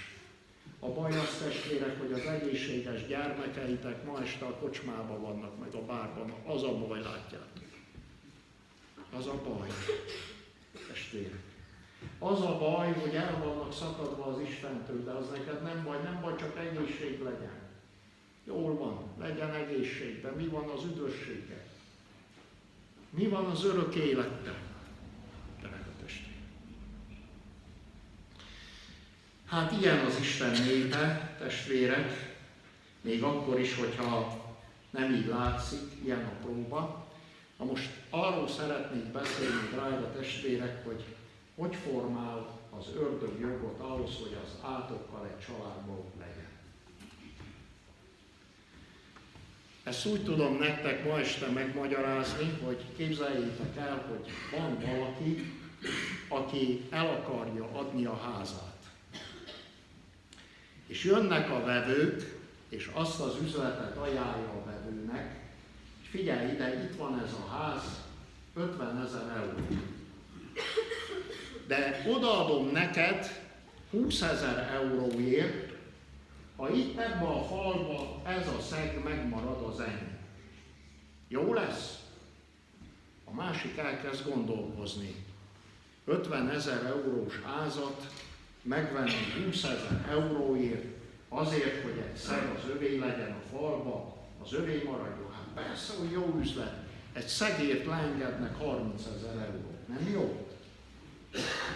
És kezet fognak, megegyeznek, megtörténik a vásár, megvan a háznak az új tulajdonosa, beköltözik a házba, és elkezd lakni benne. Egy fél év után megjelenik a régi gazda, egy délután, és azt kérdezi, hogy megengedett, hogy nézzem meg a szegemet? Persze, hogy megengedett, gyere, ott van a falba. Beviszi, a másik megnézi a szeget a falba, és elmegy. Eltelik két hét, a régi gazda megint jön, de most este 11 órakor. Már a másik pizsamában van, kopogtat az ajtón, haló, is ki, engedd el, hogy nézzem meg a szegemet. Elengeded? Így volt az üzlet, már fek, le vannak feküdve a gyerekek, alusznak a család, minden, gyere, besnézd meg a szeget az bejön, megnézi a szeget, és elmegy. Három nap múlva jön, de éjjel fél háromkor. Megdörömböli az ablakot, és azt mondja, hogy kelj fel, látni akarom a szegemet. Mert nekem ez jogom van, a szeg az enyém. És én megnézhetem, hogy ott van a falba, vagy nincs ott a falba. Testvérek, be kell engedje, és ez így megy, Kérdezem tőletek, három hónap alatt idegileg kikészíti ez az ember a családot? Ki készíti testvérek? Nyúlt ez az ember egy kézzel a család valamelyik tagjához? Nem, egyhez sem. Mi történik? Egy szeg miatt jogot formál a maradó házba az ördög, hogy visszajöjjön. Ezért mondtam a tegnap este, hogy testvérek, egy dolog megszabadulni, és egészen más dolog megmaradni a szabadságban. Nem -e marad szeg a régi gazdától a házba. Mert sokan mondják emberek, hogy Miklós testvér minduntalan visszajön. Minduntalan visszajön. Persze, hogy visszajön. Tudjátok, hogy miért? Mert abban a házban, mely üres, fel van ékesítve, nincs gazdája, amelyik üres már reggel, és nem tölti meg magát evel, ahogy felkelt, jön a másik, és nézi, hogy a ház üresen, és hogyha üres, azt mondja, hogy elmegy és maga mellé vesz még hetet, magánál sokkal rosszabbat, és azt mondja, hogy gyertek fiúk, mert van hely. Gyertek fiúk, mert van hely. Én elmondtam Magyarországon, meg Európában, hogy a migránsok abba a házakba költöznek majd be Magyarországon, meg Európába, ahol nem született legalább három gyerek.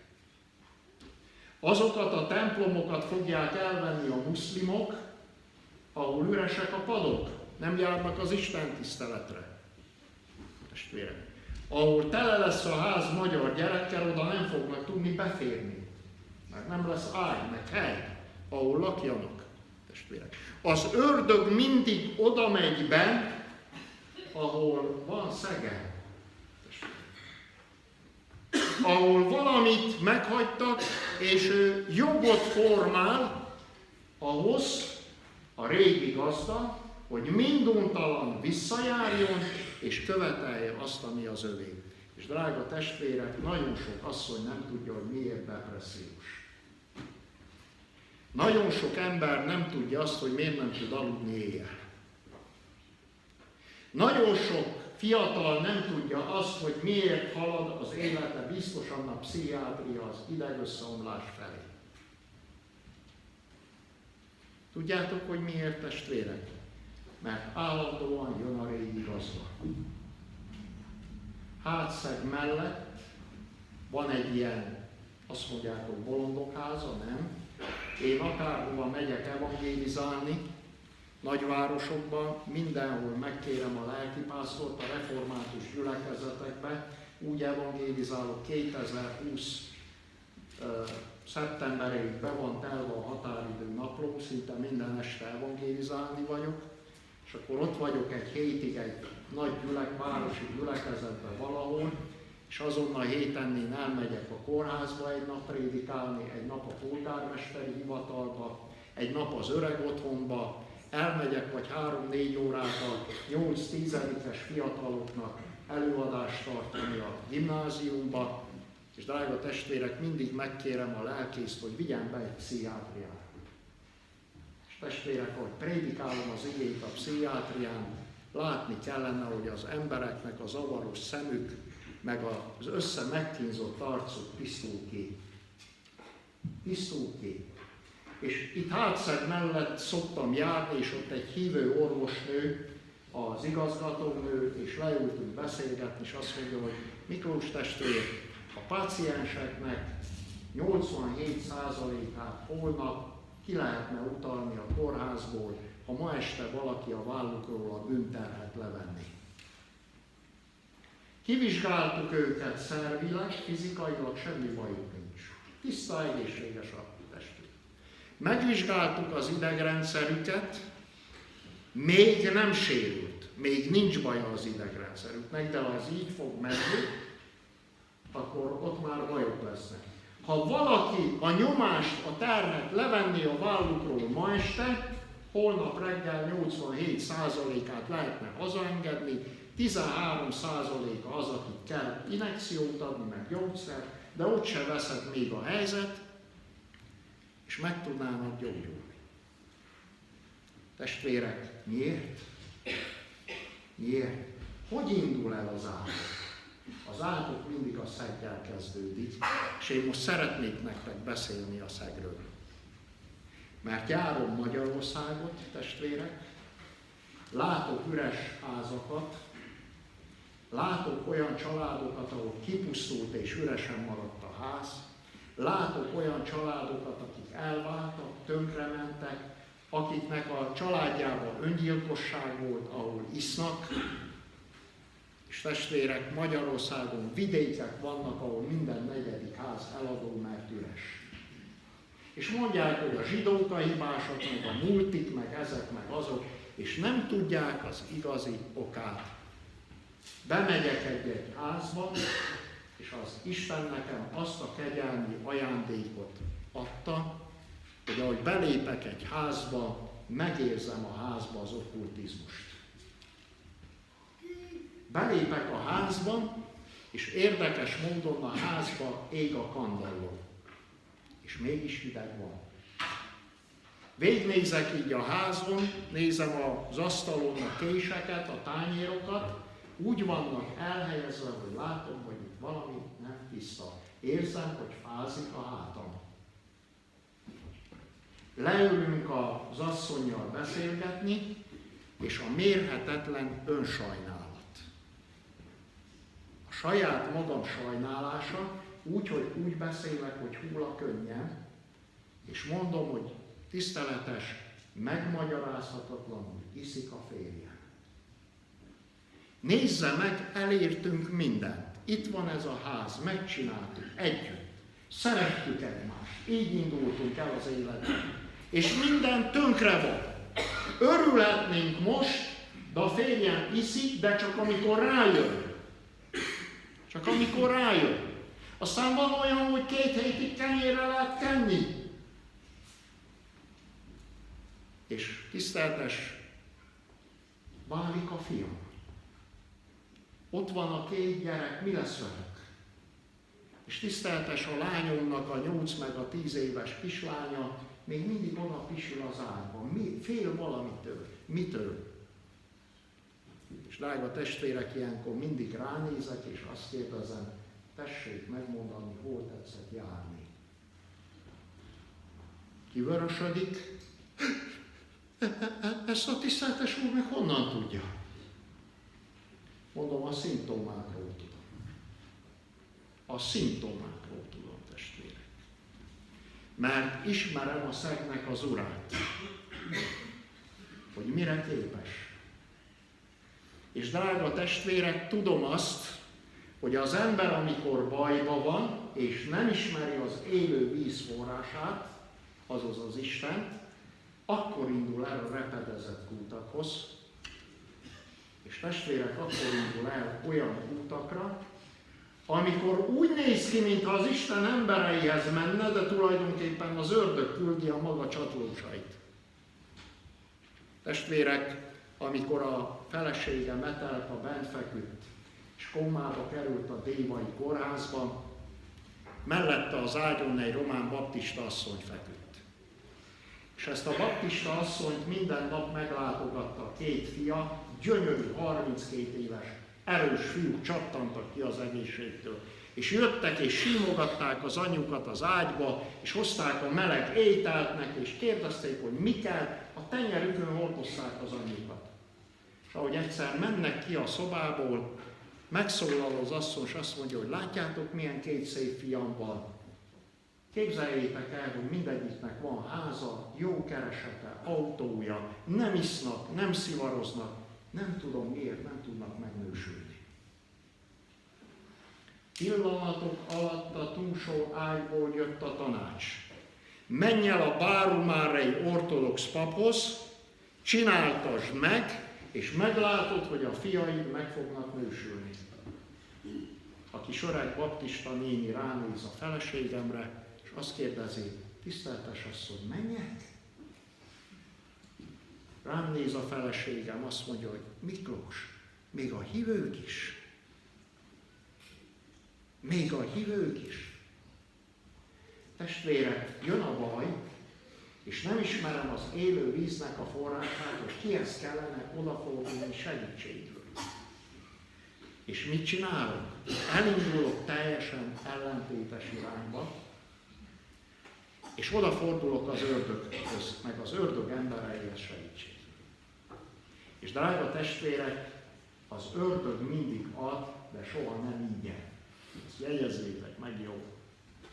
Hogy amit az ördög ad, annak nagy áron.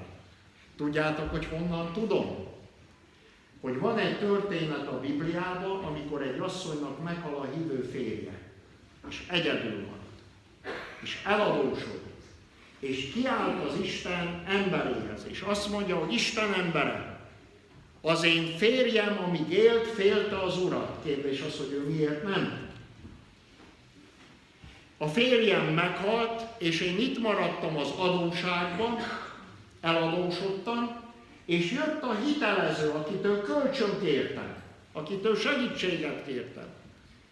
És azt mondta, hogy fizess, add meg az árát annak, amit adtam. És a hitelező azt mondta, azt mondtam a hitelezőnek, hogy nem tudok fizetni, és a hitelező azt mondta, hogy nincs semmi baj, viszem a két fiadat rabszolgának. Jó lesz, az fizetség.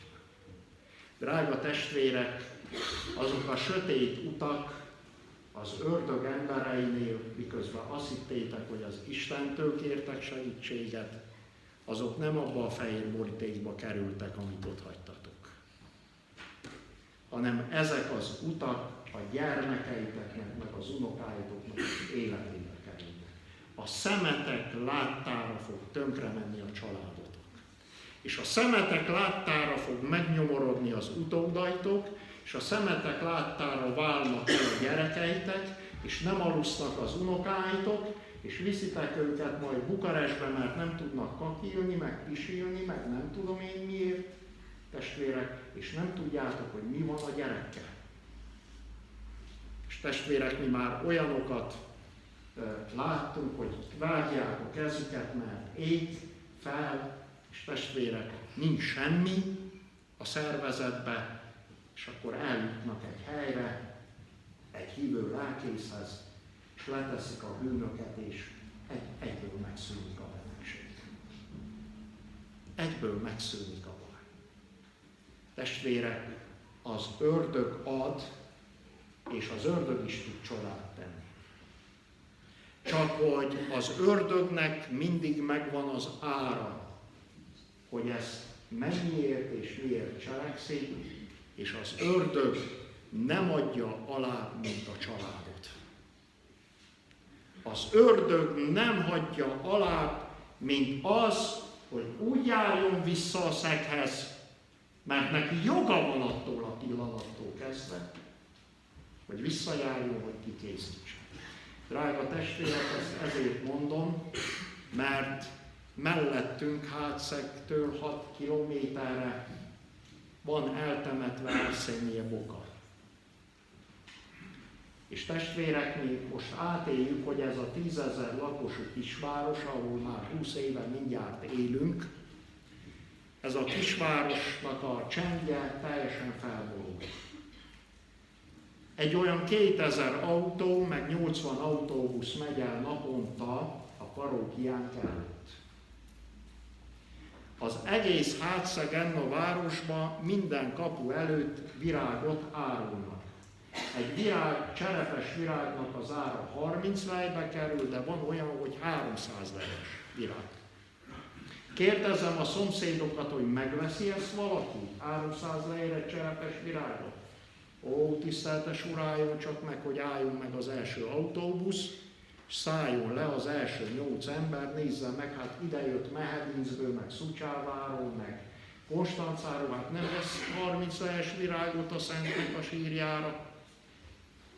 És drága testvérek, kimennek, állnak sorba a sírnál, leteszik a virágot, Stalinnak a sírja üljön le, ahhoz képest, ahogy ez tele van virággal, aztán az apácák lezárják két hetenként a sírt, és a 300 lejes virág 150 lejér visszajön hátszegre, és a 60 lejes virág 30 lejér visszajön testvérek, és egy cserepes virágot egy nyáron eladnak 15-ször.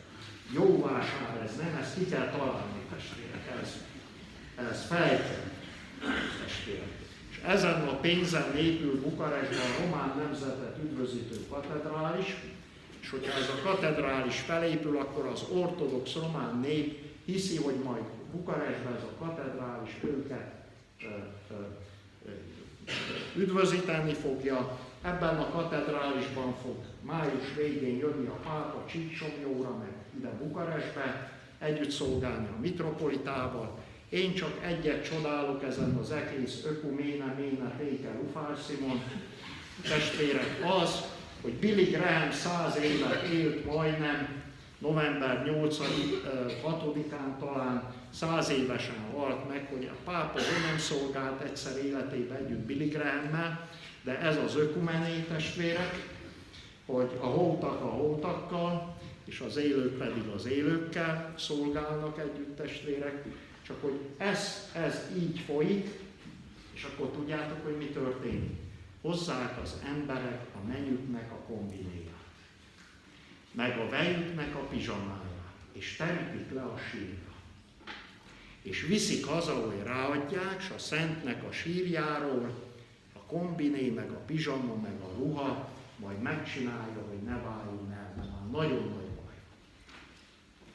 És drága testvérek, lejönnek, hátszegen nincs majdnem az egész város panzió, Egyetlen egy üres ágyat, szobát nem lehet találni egész nyáron, minden van előre foglalva, és akkor nézem azt, hogy nézem azt, hogy a szentől lejött családok kiülnek az udvarra, a füves udvarra megy a mánelezene, úgyhogy hallatszik át hozzánk, és látom, ahogy az ablakból rálátok a kertre, a férfiak egy nagy asztal mellett tele dobozos sörrel, az asszonyok meg az egyik sarokba együtt körbeállva szívják a szivart, mi voltunk a Szentnél. Mi voltunk fent a Szentnél. És jönnek letestvérek, és látni kellene a Szentet. Látni kellene az arcukat, hogy azt hiszik, hogy jól vannak, azt hiszik, hogy voltunk fenn, hát ott apácák voltak, meg remeték, meg papnál voltam, azt szokták mondani azok, akik jönnek hátszegre, már majdnem a pszichiátria kapujába vannak, és lejönnek hátszegre, és a fiúknak tisztul ki az arca, meg a szeme. Tiszteltes urak, imádkoztak értünk. Mondom, és jól megy? Nem. Hát mondom, már akkor döntsék el, hogy itt most mi van, és mi a helyzet, testvérek. Felmegyünk, és azt hiszi sok, hogy a Istenhez fordult, de testvérek, tudjátok, hogy mi a helyzet? Hogy Jézus mondott valamit, azt mondta, hogy a jó fa nem teremhet jó rossz gyümölcsöt. És a rossz fa se teremhet jó gyümölcsöt, amilyen a fa, olyan a gyümölcs. A jó fa jó gyümölcsöt terem, és a rossz fa rossz gyümölcsöt terem. Testvérek, nincs olyan Isten ember, aki átkozni tudna, és aki átkot csinálna, hát ébredjük már föl, testvérek, hogy nincs olyan, hogy megyek, és egyik azt kéri, hogy engem áldjon meg, és a másik meg azt kéri, hogy ölje meg a, a, a, a, a férjemet. Vagy csináljon valamit a szomszédommal. Nem világos ez, testvérek? Tudjátok, hogy mikor ébredtek fel itt ez a nagy tudó déván az ágyba? Amikor ez, a, ez az ortodox pap a négy tagú családjával együtt bennégett a parókián. Porrá égtek mind a négyen. Mert az Istent nem lehet megcsúfolni. Mert az Istent nem lehet megcsúfolni, testvérek. Drága testvérek, áldás vagy átok. Áldás vagy átok. Az áldás az az Istennél van. Az Istennél van. Bálámnak ennek a vidéknek az urának, testvérek, aki ez a tékozó fiús elszállt, elszegődött disznókat legeltetni, annak ne féljetek, nem tetszik, hogyha szaporodnak a hívők a szilárdságban. De szeretném elmondani nektek azt is tisztán és világosan, hogy aki itt a szilárdságban nem örül annak, hogy emberek térnek meg és hívők lesznek, na ne féljetek, az se az Isten embere. Az se az Isten embere. Aki nem tud örülni annak, hogy emberek megszabadulnak, meggyógyulnak, hívőkké lesznek, az Isten után mennek, az nem az Isten embere. Azt oda helyezte az ördög egy helyre, hogy álljon a kapuba, és ne engedje be az Isten népét. Tudjátok, hogy amikor leszálltam a lapádi szószékről megtérve, és lementem az úrasztalához, és azt mondtam a gyülekezet előtt, első Isten tiszteltem volt megtérve, hogy bűnbánatot tartok, és addig nem osztok úrvacsorát, és bocsássatok meg nekem, akkor az úrasztalával együtt, mint amikor Tom és Jerrybe a, a, a macska kisebb lesz, mint az egér. Úgy mentem össze a szószékkel, mint a gumi, és éreztem, hogy a padok nőnek meg az emberek mellettem, és ebben a pillanatban megszólalt az Isten lelke. Bódis Miklós, most álltál félre a kapuból. Most tört össze a dicsőséget, félreálltál a kapuból, nézd meg, hogy hány ember fog a gyülekezetből bemenni a mennybe. És testvérek elkezdtek megtérni emberek a gyülekezetbe. Addig egy sem. Addig egy sem. Testvérek. Ezért kérdés minden ember életébe, hogy mit akar az áldást vagy az átkot.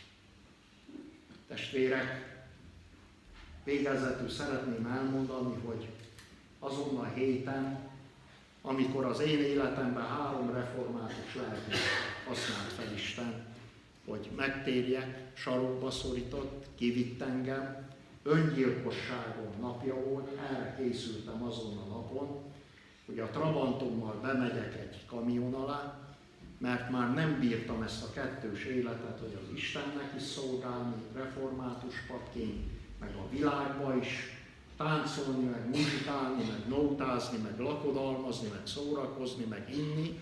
Ezt én nem bírtam ezt a kettőséget elviselni, holott testvérek, ha ma elmentek a gyülekezetembe, és megkérdezitek középlakon, hogy milyen volt Bódis Miklós, jött utánunk a hír, hogy miért ért meg Bódis Miklós lelkész? Hát ez itt nem jó, ez nem sikasztott, ez nem paráználko, ez nem volt részeges. Miből? Ez olyan jó papunk volt, miből kellett megtérjen?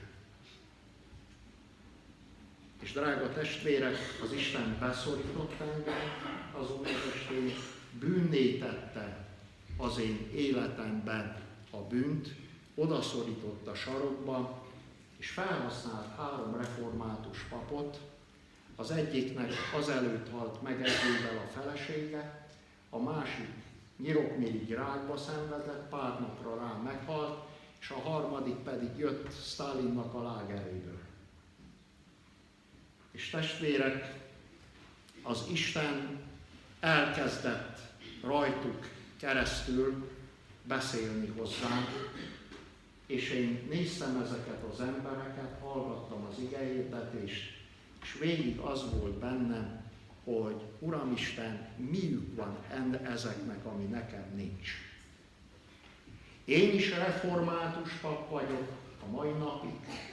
Ők is azok református papok, de az egyik rákos, a másiknak özvegy, a harmadik nyomorék, és mégse vagyok olyan boldog, mint ők. Miük van ezeknek, ami nekem nincs. És drága testvérek, amikor az Isten igénynek engedelmeskedtem, és azon az estén, hogy el voltam számba, hogy öngyilkos leszek, és Jézus behívtam az életembe, megnyertem az örök életet, azonnal tudtam, hogy ezek a nyomorúságukban minek örülnek. Miért boldogok? Miért ragyog a szemük? Miért csillog az arcuk az örömtől? És drága testvérek, az külön öröm volt, hogy rá három napra a feleségem, a párom Etelka is átadta az életét, mert testvérek, a jók mindig nehezen térnek meg. A becsületesek azok mindig nehezen térnek meg, és ő olyan lány volt, meg olyan asszony volt az életemben, amikor elvettem, egy tiszta lány volt, és megvárt engem a hat éven keresztül az ilai katonaságtól, meg, és ha még nem jön a forradalom, akkor még vár, vár három évet, kilenc évet, akkor ezt azoknak mondom el, drága testvérek, fiatalok, akik három hónap múlva már ágyba akartok bújni egymással, hogy hat év barátság, és ha nem jön, aláírtam egy papírt a teológián, hogy nem házasodok meg, hogy a szekuritát egy helyen tudjon figyelni minket, hogy ne költözzünk külön a városba, míg lett volna három így hat év után, hat év barátság után összeházasodtunk, és, és egy egyenes, rendes, tiszta nő volt, úgy jött hozzám feleségül, és nagyon nehezen térnek meg a jók, mert nem tudják, hogy mi a bűnük, nem tudják, hogy miből kell megtérni, testvérek, a jóknak, mi, miért van szükségünk Krisztusra, miért halt megértük az Isten, testvérek, és uh, csütörtök reggel, ott sok hívő imádkozott, hétfőn este, kedden harcok, tusakodások, és olyan öröm volt a szívemben, amikor csütörtökön délbe egy női bibliakörről jött kis, láttam, hogy ragyog az arca, mosolyog. Tudtam, hogy itt már nem kell fele másikába hazamenni. Itt ketten menni fogunk, megfogom a kezét, és menni fogunk, és hirdetjük mind a ketten a Krisztus szabadítását. Én a bűnös, ő az igaz, és menni fogunk, és elmondjuk, hogy Isten a bűnösön is, meg az igazon is hogy tud megkönyörülni, és drága testvérek, az utolsó nap, pénteki nap, azzal zárult az evangelizációs hét, hogy osztották az úrvacsorát. És elindult a menet, én is beálltam, rongyosan, hosszos farmer, taknyom nyálom összefolyt, sírtam, hát testvérek, nem volt Biblia nálam egész héten, hát a halálba kimegy Bibliával, az öngyilkosságba. Kimegy. Én nem megtérni indultam el Berekfürdőre, hanem én nem indultam, hogy bemegyek egy kamion alá, kimegy Bibliával, meg új ruhával a halálba. Testvérek, és mentem át, ott volt majd négy-öt baptista kis mami, azok meg is jegyezték, hogy tiszteltes úr, aztán ha haza tetszik menni, meg kell nyilatkozni, meg meg kell mosdani, meg más nadrágot kell venni. Én gondolom, drágom, amik van nekem otthon, új nadrágom, meg díszmagyarom, meg ha kihúzom én magam és kipötröm a bajszomatról, egészen másképp nézek ki, de testvérek, ott mentem, és ment a tömeg, és énekeltek, miközben mentünk kifele, és csorogtak a könnyeim, és odaértem a lelkészhez, aki osztotta a kenyeret, és ahogy kinyújtom a kezemet a kenyérért, látom azt, hogy veszem el a kenyeret, és így reszket a kezem. Sokszor osztottam én úrvacsorát, testvérek, csak most először ébredtem fel, hogy mibe került valakinek az a falat kenyér. Hogy mit fizetett valaki egy szégyenfán azért, hogy Bódis Miklós azt a kenyeret veheti és beteheti a szájába. És ahogy mentünk tovább, ott állott a rákos lelkész, két kezébe két kehelye, és még véletlenül se esett úgy, hogy oda kerüljön elejébe egy valaki és én, és aztán a feleségem és más valaki, hanem úgy kerültünk elébe, hogy ketten kerültünk a két pohár elé. És a rákos lelkész átadta nekünk a két poharat, és mi vettük, és ahogy veszem a poharat, éreztem, hogy az Isten lelke ott van, és ezt az embert indítja valamire. És a rákos lelkész felemelte a két kezét, és miközben mi vettük a bort, az úrvacsorát, rátette kettőnknek a fejére, és elkezdett bennünket áldani. És áldott, és áldott, és a menet állott, várta, hogy fejezze be, és áldott, és én abban a pillanatban éreztem, hogy a benne való lélek kettőségét kapom. Az evangelizáció szolgálatára. Drága testvérek, rá vagy három évre megtudtam, hogy az egyik öreg barátom haldoklik Marosvásárhelyen Szabó Árpi bácsi.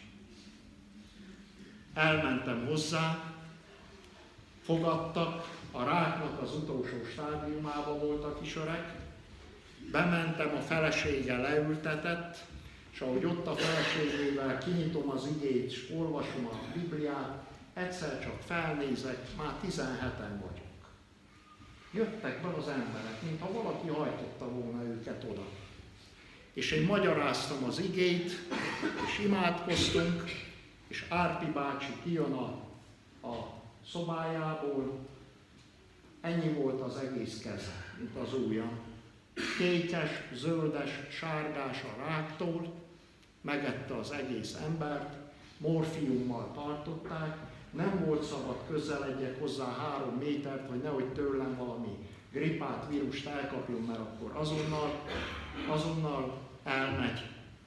És leült, és végighallgatta az igét, és egyszer csak fáradtan feláll, elindul befele, és nem felejtem el, megáll az ajtó, vas megfordul, és felemeli a rákos kezét, így, felény, és elkezd áldani. Bódis tiszteletes, az Úr áldjon téged meg, és őrizzen meg téged. Bízzál benne, mert ő minden ígéretét teljesíteni fogja. Bement és meghalt. Drága testvérek, ha ma este ide jönne Soros György, Ciriák, Gigi Békáli, Abrahimovics, Cselzivel, meg a Szatyor Donyeckkel, ide jönne Matolcsi, meg nem tudom, ezek a nagypénzű emberek, és azt mondanák nekem ma este Bódis Miklós, figyelj ide, az egész vagyonunkat neked adjuk, ha eladod nekünk Paplászlónak, meg Szabó Árpádnak az áldását. A szemükbe kacadnák, és azt mondanám, nincs nektek annyi pénzetek, hogy ezt megtegyétek. Testvér, kell neked az áldás? Kell nektek az Isten áldása? Hogy ma innen az Isten házából úgy menj ki, hogy tudod, hogy az Isten engem megáld, és megáldja az életemet, és meg fogja áldani a családomat. Kell ez neked, mert minden vagyonnál többet ér. Minden pénznél többet ér, kincsnél, hogyha tudod, hogy téged az Isten megáldott, és volt egy fiatal ember egyszer a Jabbók révénél, aki egy este belekapaszkodott az Istenbe, és az Isten azt mondta neki, hogy engedj el, mert már bírod meg. És azt mondta neki, hogy én addig innen el nem megyek. Én addig el nem engedlek, amíg meg nem áldasz engem. És azt kérdezte tőle az Isten, mi a neved? És ő megmondja a nevét, Jákob, a csaló vagyok. Uram, ez vagyok. Ilyen vagyok. A parázna vagyok, a hazug vagyok, a sunyi vagyok. Ez vagyok. És amikor kimondja a nevét, hogy ő ki, pont mint Péter a hajóból, eredje Uram, mert én bűnös ember vagyok. Nem, Péter, nem megyek el, és nem engedlek el. Na mostantól kezdve kezdődik a halászat, Péter. Mostantól kezdve kezdődik az áldás, Többé neked a neved ne az legyen, hogy Jákob, hanem az legyen, hogy Izrael. Ami azt jelenti, hogy harcoltál Istennel és emberrel, és győztél. A te neved győztes! Te neved győztes. És testvérek, Jákob, ahogy tovább megy azonnal reggelen, azt írja, hogy sütött a nap, amikor át kell penélni, mosolygott az Isten. Mosolygott az Isten. Mert egy ember megy, és az emberrel megy az Istennek az áldása. És testvérek, azután ennek az embernek az életében áldás van. Megáldja az Isten őt 12 fiúval és egy lánymal. És megáldja mindennel. Testvérek. Bizonyára hallottátok Molnár Robert Kübekázi polgármester testvéremet, hogy elmondta, hogy amíg nem volt az Isten áldás, addig volt parlamenti szék, jegyző a parlamentben, meg titulus, meg minden, de a feleségére azt mondták, hogy meddő, és soha nem fog szülni. Drága testvérek, ahogy átadták az életüket, a házasságukat, a családjukat az Istennek, született három gyönyörű gyerek. Tudjátok, hogy miért?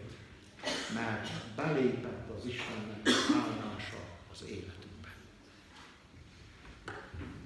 Drága testvérek, végezetül szeretném nektek elmondani még azt, és figyelmeztetni hívőket és nem hívőket arra, hogy ezt az áldást, mint legszebb kincset, legfontosabb értéket őrizni kell.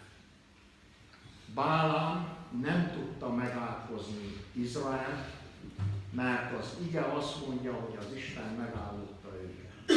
Az Isten megállt, ahhoz jöhet testvérek, Jós, néző, nem tudom én ki, nem fog az áldott Izrael. Testvérek, nem itt itt mentem el a falutokon keresztül, és mentem, átutaztam az egész Magyarországot, és Magyarország legészakibb részén, az utolsó faluban, a szlovák határon evangélizáltam, ahol egy drága református hívő megtért lelkész barátom van Kémerből, Meleg Attila, így hívja. Lehet, hogy sok testvér ismeri innen a, a gyülekezetből. És az ő gyülekezetében evangélizáltam, és a fáradt út után, hát még innen én egy olyan 500 kilométerre lakunk, ide és akkor fel Magyarország, egész nap utaztunk, 15 perccel 7 óra előtt érkeztünk meg fel a szószékre, remegő lábakkal a vezetéstől prédikálok, és azon az estén jelentkezik egy fiatalember, hogy ő meg akar térni, át akarja adni az életét az Istennek. És azon az estén én hálát adtam Istennek, hogy erre a lelki gondozói beszélgetésre bejött a lelkész testvérem a gyülekezetből, meg a kassai szlovák nyelvű református lelkipásztor barátom, mert ez az ember varázsló volt. És elkezdte mondani négy órán keresztül, hogy mit csinálnak a varázslók, mivel foglalkoznak. Böjtölnek és imádkoznak az ördököz, hogy a prédikátoroknak, az evangélistáknak a házassága menjen tönkre. Azt mondta nekem, tiszteltes, mi tudjuk, hogyha a maguk házassága tönkre megy, maguk felmehetnek a szószékre, és beszélhetnek angyalok nyelvén az embereknek, a hitelük oda van. Ezért ez a cél, erre fókuszálunk, hogy a házasságuk tönkre menjen. Ha a házasságuk maguknak tönkre megy, tönkre lesznek a gyermekeik, tönkre lesz a családjuk, és maguk utána mind beszélhetnek. Senki nem fog rá figyelni. És drága testvérek, elmondták azt, elmondta azt, hogy ők azzal foglalkoznak, hogy energiát szívnak el. Én ekkor értettem meg, hogy miért van Kárpátalján egy olyan csontkovács, aki gyúr, rájut a reumás hátra, ordít nagyokat, és aztán amikor elmegy a páciens tőle, mint a rongy összemegy, és bemegy 15 percig a szobába, kéri, hogy várjon a következő kliens, kijön, és olyan rózsás, mint egy 30 éves fiatalember, semmi baja, egészsége. Honnan kapja ez az energiát? És megértettem azt, hogy én amikor Magyarország bizonyos vidékeire megyek evangélizálni, előző való este Hátszegen a Reálimáren népcsatornak perfúzióra. Be kell vigyenek testvérek a kórházba, rá kell perfúzióra csatoljanak, vizsgálnak ki, és azt mondják, hogy tiszteltes magának nincs semmi baja, menjen el, már ismer az orvos, menjen el pihenni tíz napig, olyan helyre, hogy 20 km körzetben ne templom, nehogy felkérjék magát prédikálni, mert ha lesz, akkor biztos, hogy ott evangélizálni fog ebben a, ezeken a helyeken, és mondom, hogy nem, én hazamegyek, autóba ülök, és ma este már prédikálok. Hát akkor maga meghal. És testvérek, az úton kétszer-háromszor megállok az autóval, leteszem a fejemet a feleségem ölébe, és érzem, hogy most halok meg, most fulladok meg. És megyek, evangélizálok, másodnak, harmadnak, és enged a nyomás. Enged a nyomás. Ahogy tellik az evangélizáció, enged a nyomás. Hát tudom én a Szegurának a politikáját. Hát mi kell Szilágy Balán? Bódis Miklós kiütni három napra. És aztán mind jöhet, tele lehet az imaterem testvérek. Zsúfolásig. Kiütjük azt, aki beszélni, aki meg beszélni kezd, nyert ügy. Nyert ügy testvérek.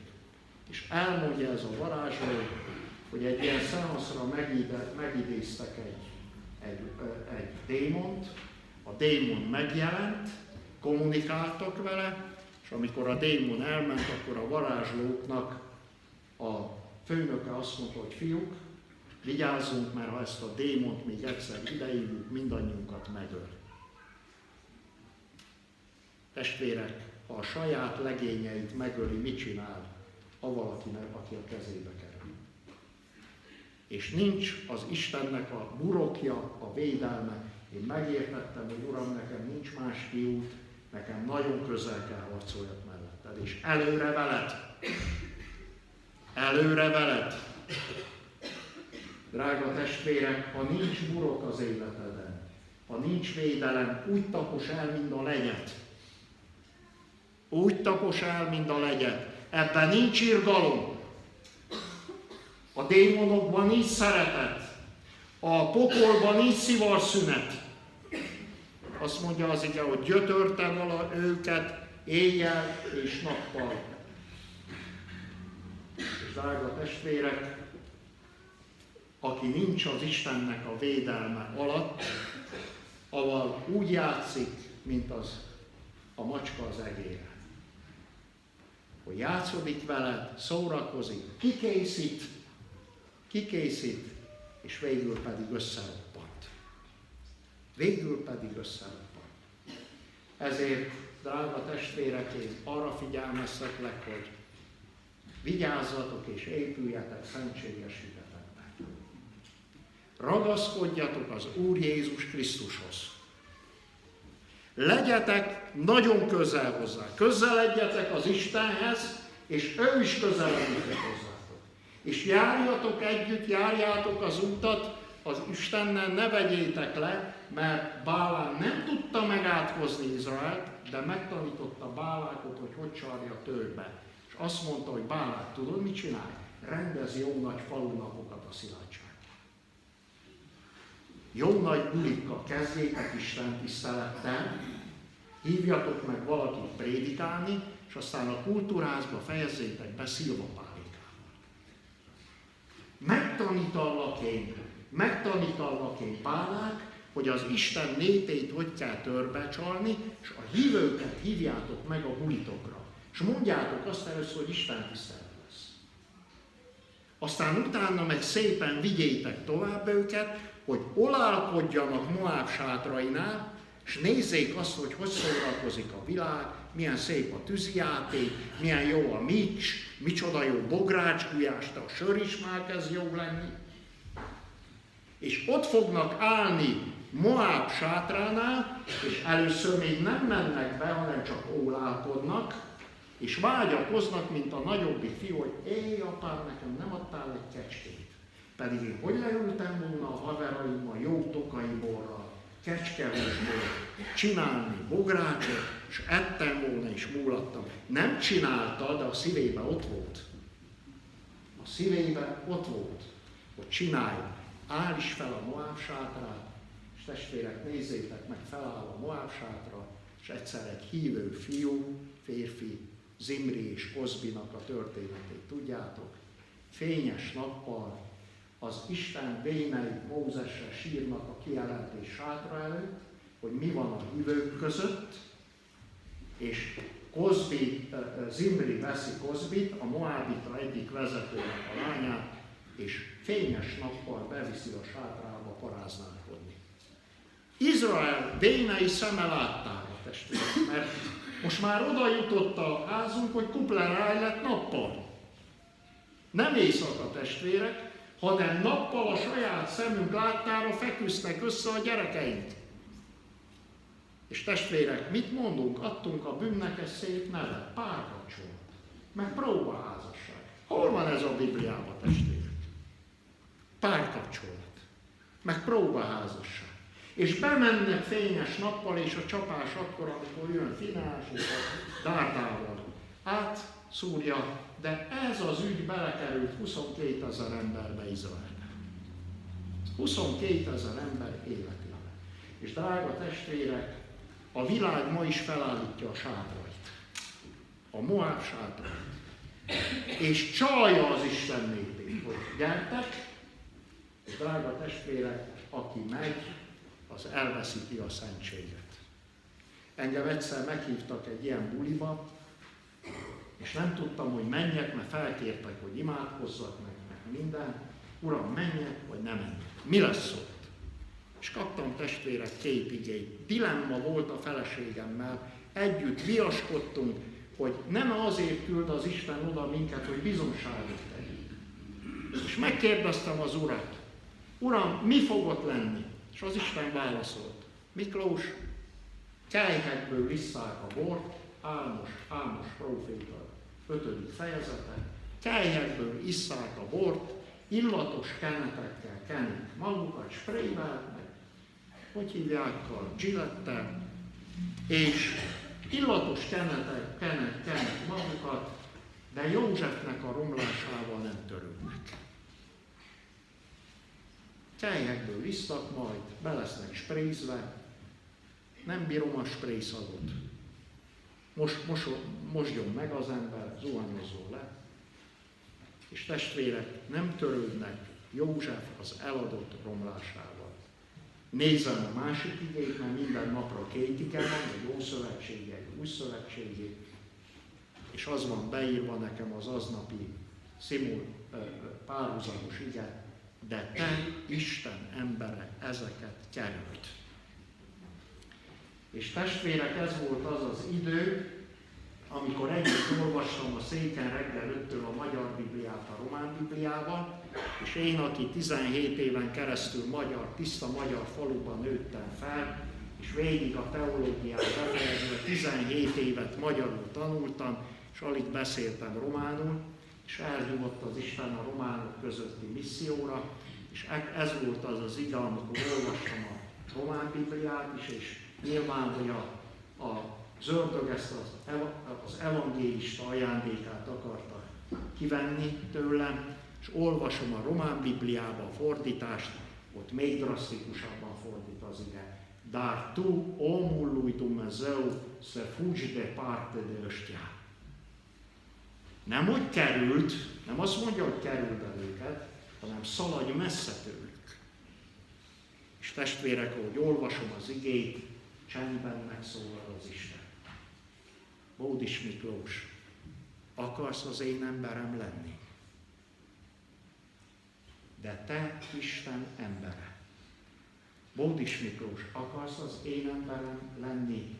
Elküldlek majd a románok közé, elküldlek Magyarországra, elküldlek Ukrajnába, elküldlek Szlovákiába, Szerbiába, Németországba, akarsz az én emberem lenni.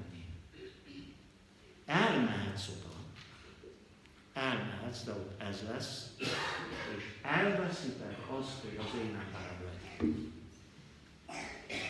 És azt mondtam akkor az Istennek, Uram, nekem mindennél többiet jelent az, hogy én a te embered legyek.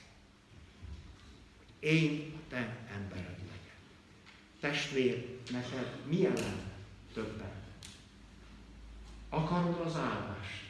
És mennyit ér meg neked az áldás? Megéri azt, hogy nemet mondja a világnak, és ott hagyta Egyiptomot, mint az este Mózes, mert látta a láthatatlan, és a megjutalmazásra tekintett.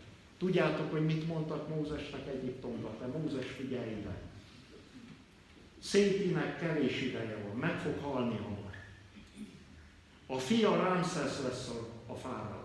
De ha Ramszesz elmegy egy, egy csatába, és meg fog halni, Helyette nincs más, jön a te mostohanyád, aki fogadott, de ő nem lehet, nő nem lehet fáraó Egyiptomba, és Mózes, te leszel a fáraó. Hát el tudod te képzelni, hogy Egyiptomban mivel jár a fáraóság? Micsoda szórakozások. És majd meglátod, hogy így tudsz segíteni a népeden, és fel tudod őket szabadítani. Azt mondja az igen hogy Mózes inkább vállalta az Isten népével együtt a szenvedést, mint a bűn ideig, óráig való gyönyörűségét, mert Egyiptom minden kincsénél többre tartotta az Úrét való gyalázatot, mert a megjutalmazásra tekintett, mint aki látja a láthatatlan, látta a végét. És drága testvérek, az én számomra az Isten megmutatta ennek az egésznek a végét, és a vége a Bibliában így hangzik, örök élet.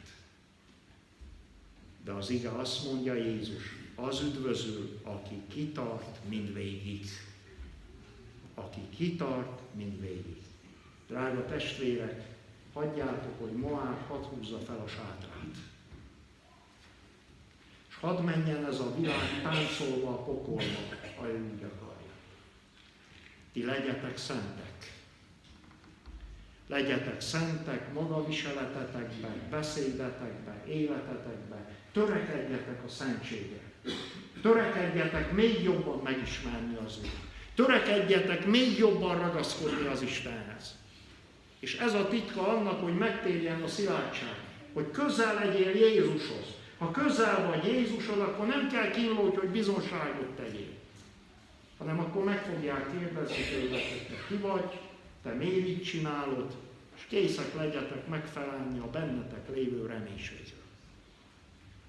Drága testvérek, ma este Isten titeket a karzaton, itt lent, oldal, azért hozott ide és hívott ide, mert a számotokra az áldást akarja adni. Az áldást akarja adni. Isten el akarja venni az átkot, meg akarja törni a családodba, az életedbe az átokvonal. És az átokvonal a családodba ma véget érhet veled itt. És elindul az áldás, és látni fogod azt, ahogy áldottak lesznek a gyermekeit, az unokáit, a dédunokáid, menni fog az Isten áldása rajtad keresztül végig. De testvérek, ez az szükséges, hogy megvald, letett, megtagad a sötét utakat, amikor az ördögnél voltál. Amikor az ördögtől kértél segítséget. És arra kérlek, hogy ma este ne menj el innen úgy, hogy ezt nem teszed meg, mert vinni fogod az átkot hanem ma este lehetőséged van arra, mert Jézus Krisztusban megszűnik az átok. Hogy hívják a keresztet? Milyen fának? Milyen? Két fának hívják. Az egyik a szégyenfa, mert mesztelenül feszítették fel, és magára vette a szégyenedet, amikor mesztelenül ott a paradicsomba ott maradtak, Levette a szégyenet, hogy felöltöztessen téged fehér ruhába, és elvegye a gyalázatodat, a bűnödet. Szégyenfának hívják a keresztfát ezért, és másodszor így nevezik, hogy az átokfa. Tudjátok, hogy miért? Mert minden átkot, ami téged sújt, minden átkot magára vett fenn a kereszten. És minden átokért megfizette az árat. És te ezért lehetsz áldott. Ezért lehetsz áldott. Mert a názáreti Jézus Krisztus fenn a kereszten elvette az átkodat. És Jézus Krisztusban ma este megszűnhet az átok az életedbe, és tovább mehet az áldás. Ezért én, drága testvérek, ma este is bizonságú hívom ellenetek az eget és a földet. Ha majd nem lesz ki a trón előtt közületek bizonságot tegyen, akkor lesz két tanú, és két bizonsággal megáll minden dolog. És én tanul hívom ma este az eget, Szilágy Balán és a földet, hogy én az életet és a halált adtam néktek ma este előtökbe. Az áldás és az átkot. És amikor Isten elég adja az áldást és az átkot, akkor hozzáfűz egy ajánlatot. Válaszd az életet. Válaszd az áldást.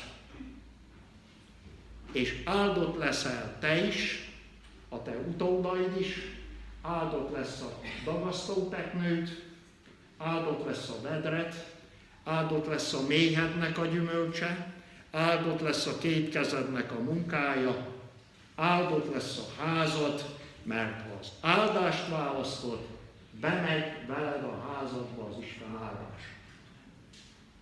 Testvérek nem ezt választod, akkor nekem el kell mondjam a másik oldalát is a dolognak. Marad az átok. Marad rajtad az átok. És testvérek, az átok az mindig tönkre tesz. Az mindig kifaszt, az mindig boldogtalanságot okoz. Én ma este bizonságú az eget és a földet, hogy előtökbe adtam az életet és a halált, az áldást és az átkot. Válasszátok az életet, választ az életet ma este, hogy éles mint te, mind a ti kis utódaitok, gyerekeitek, unokáitok, mind örökké. Amen. Amen. Imádkozzunk is.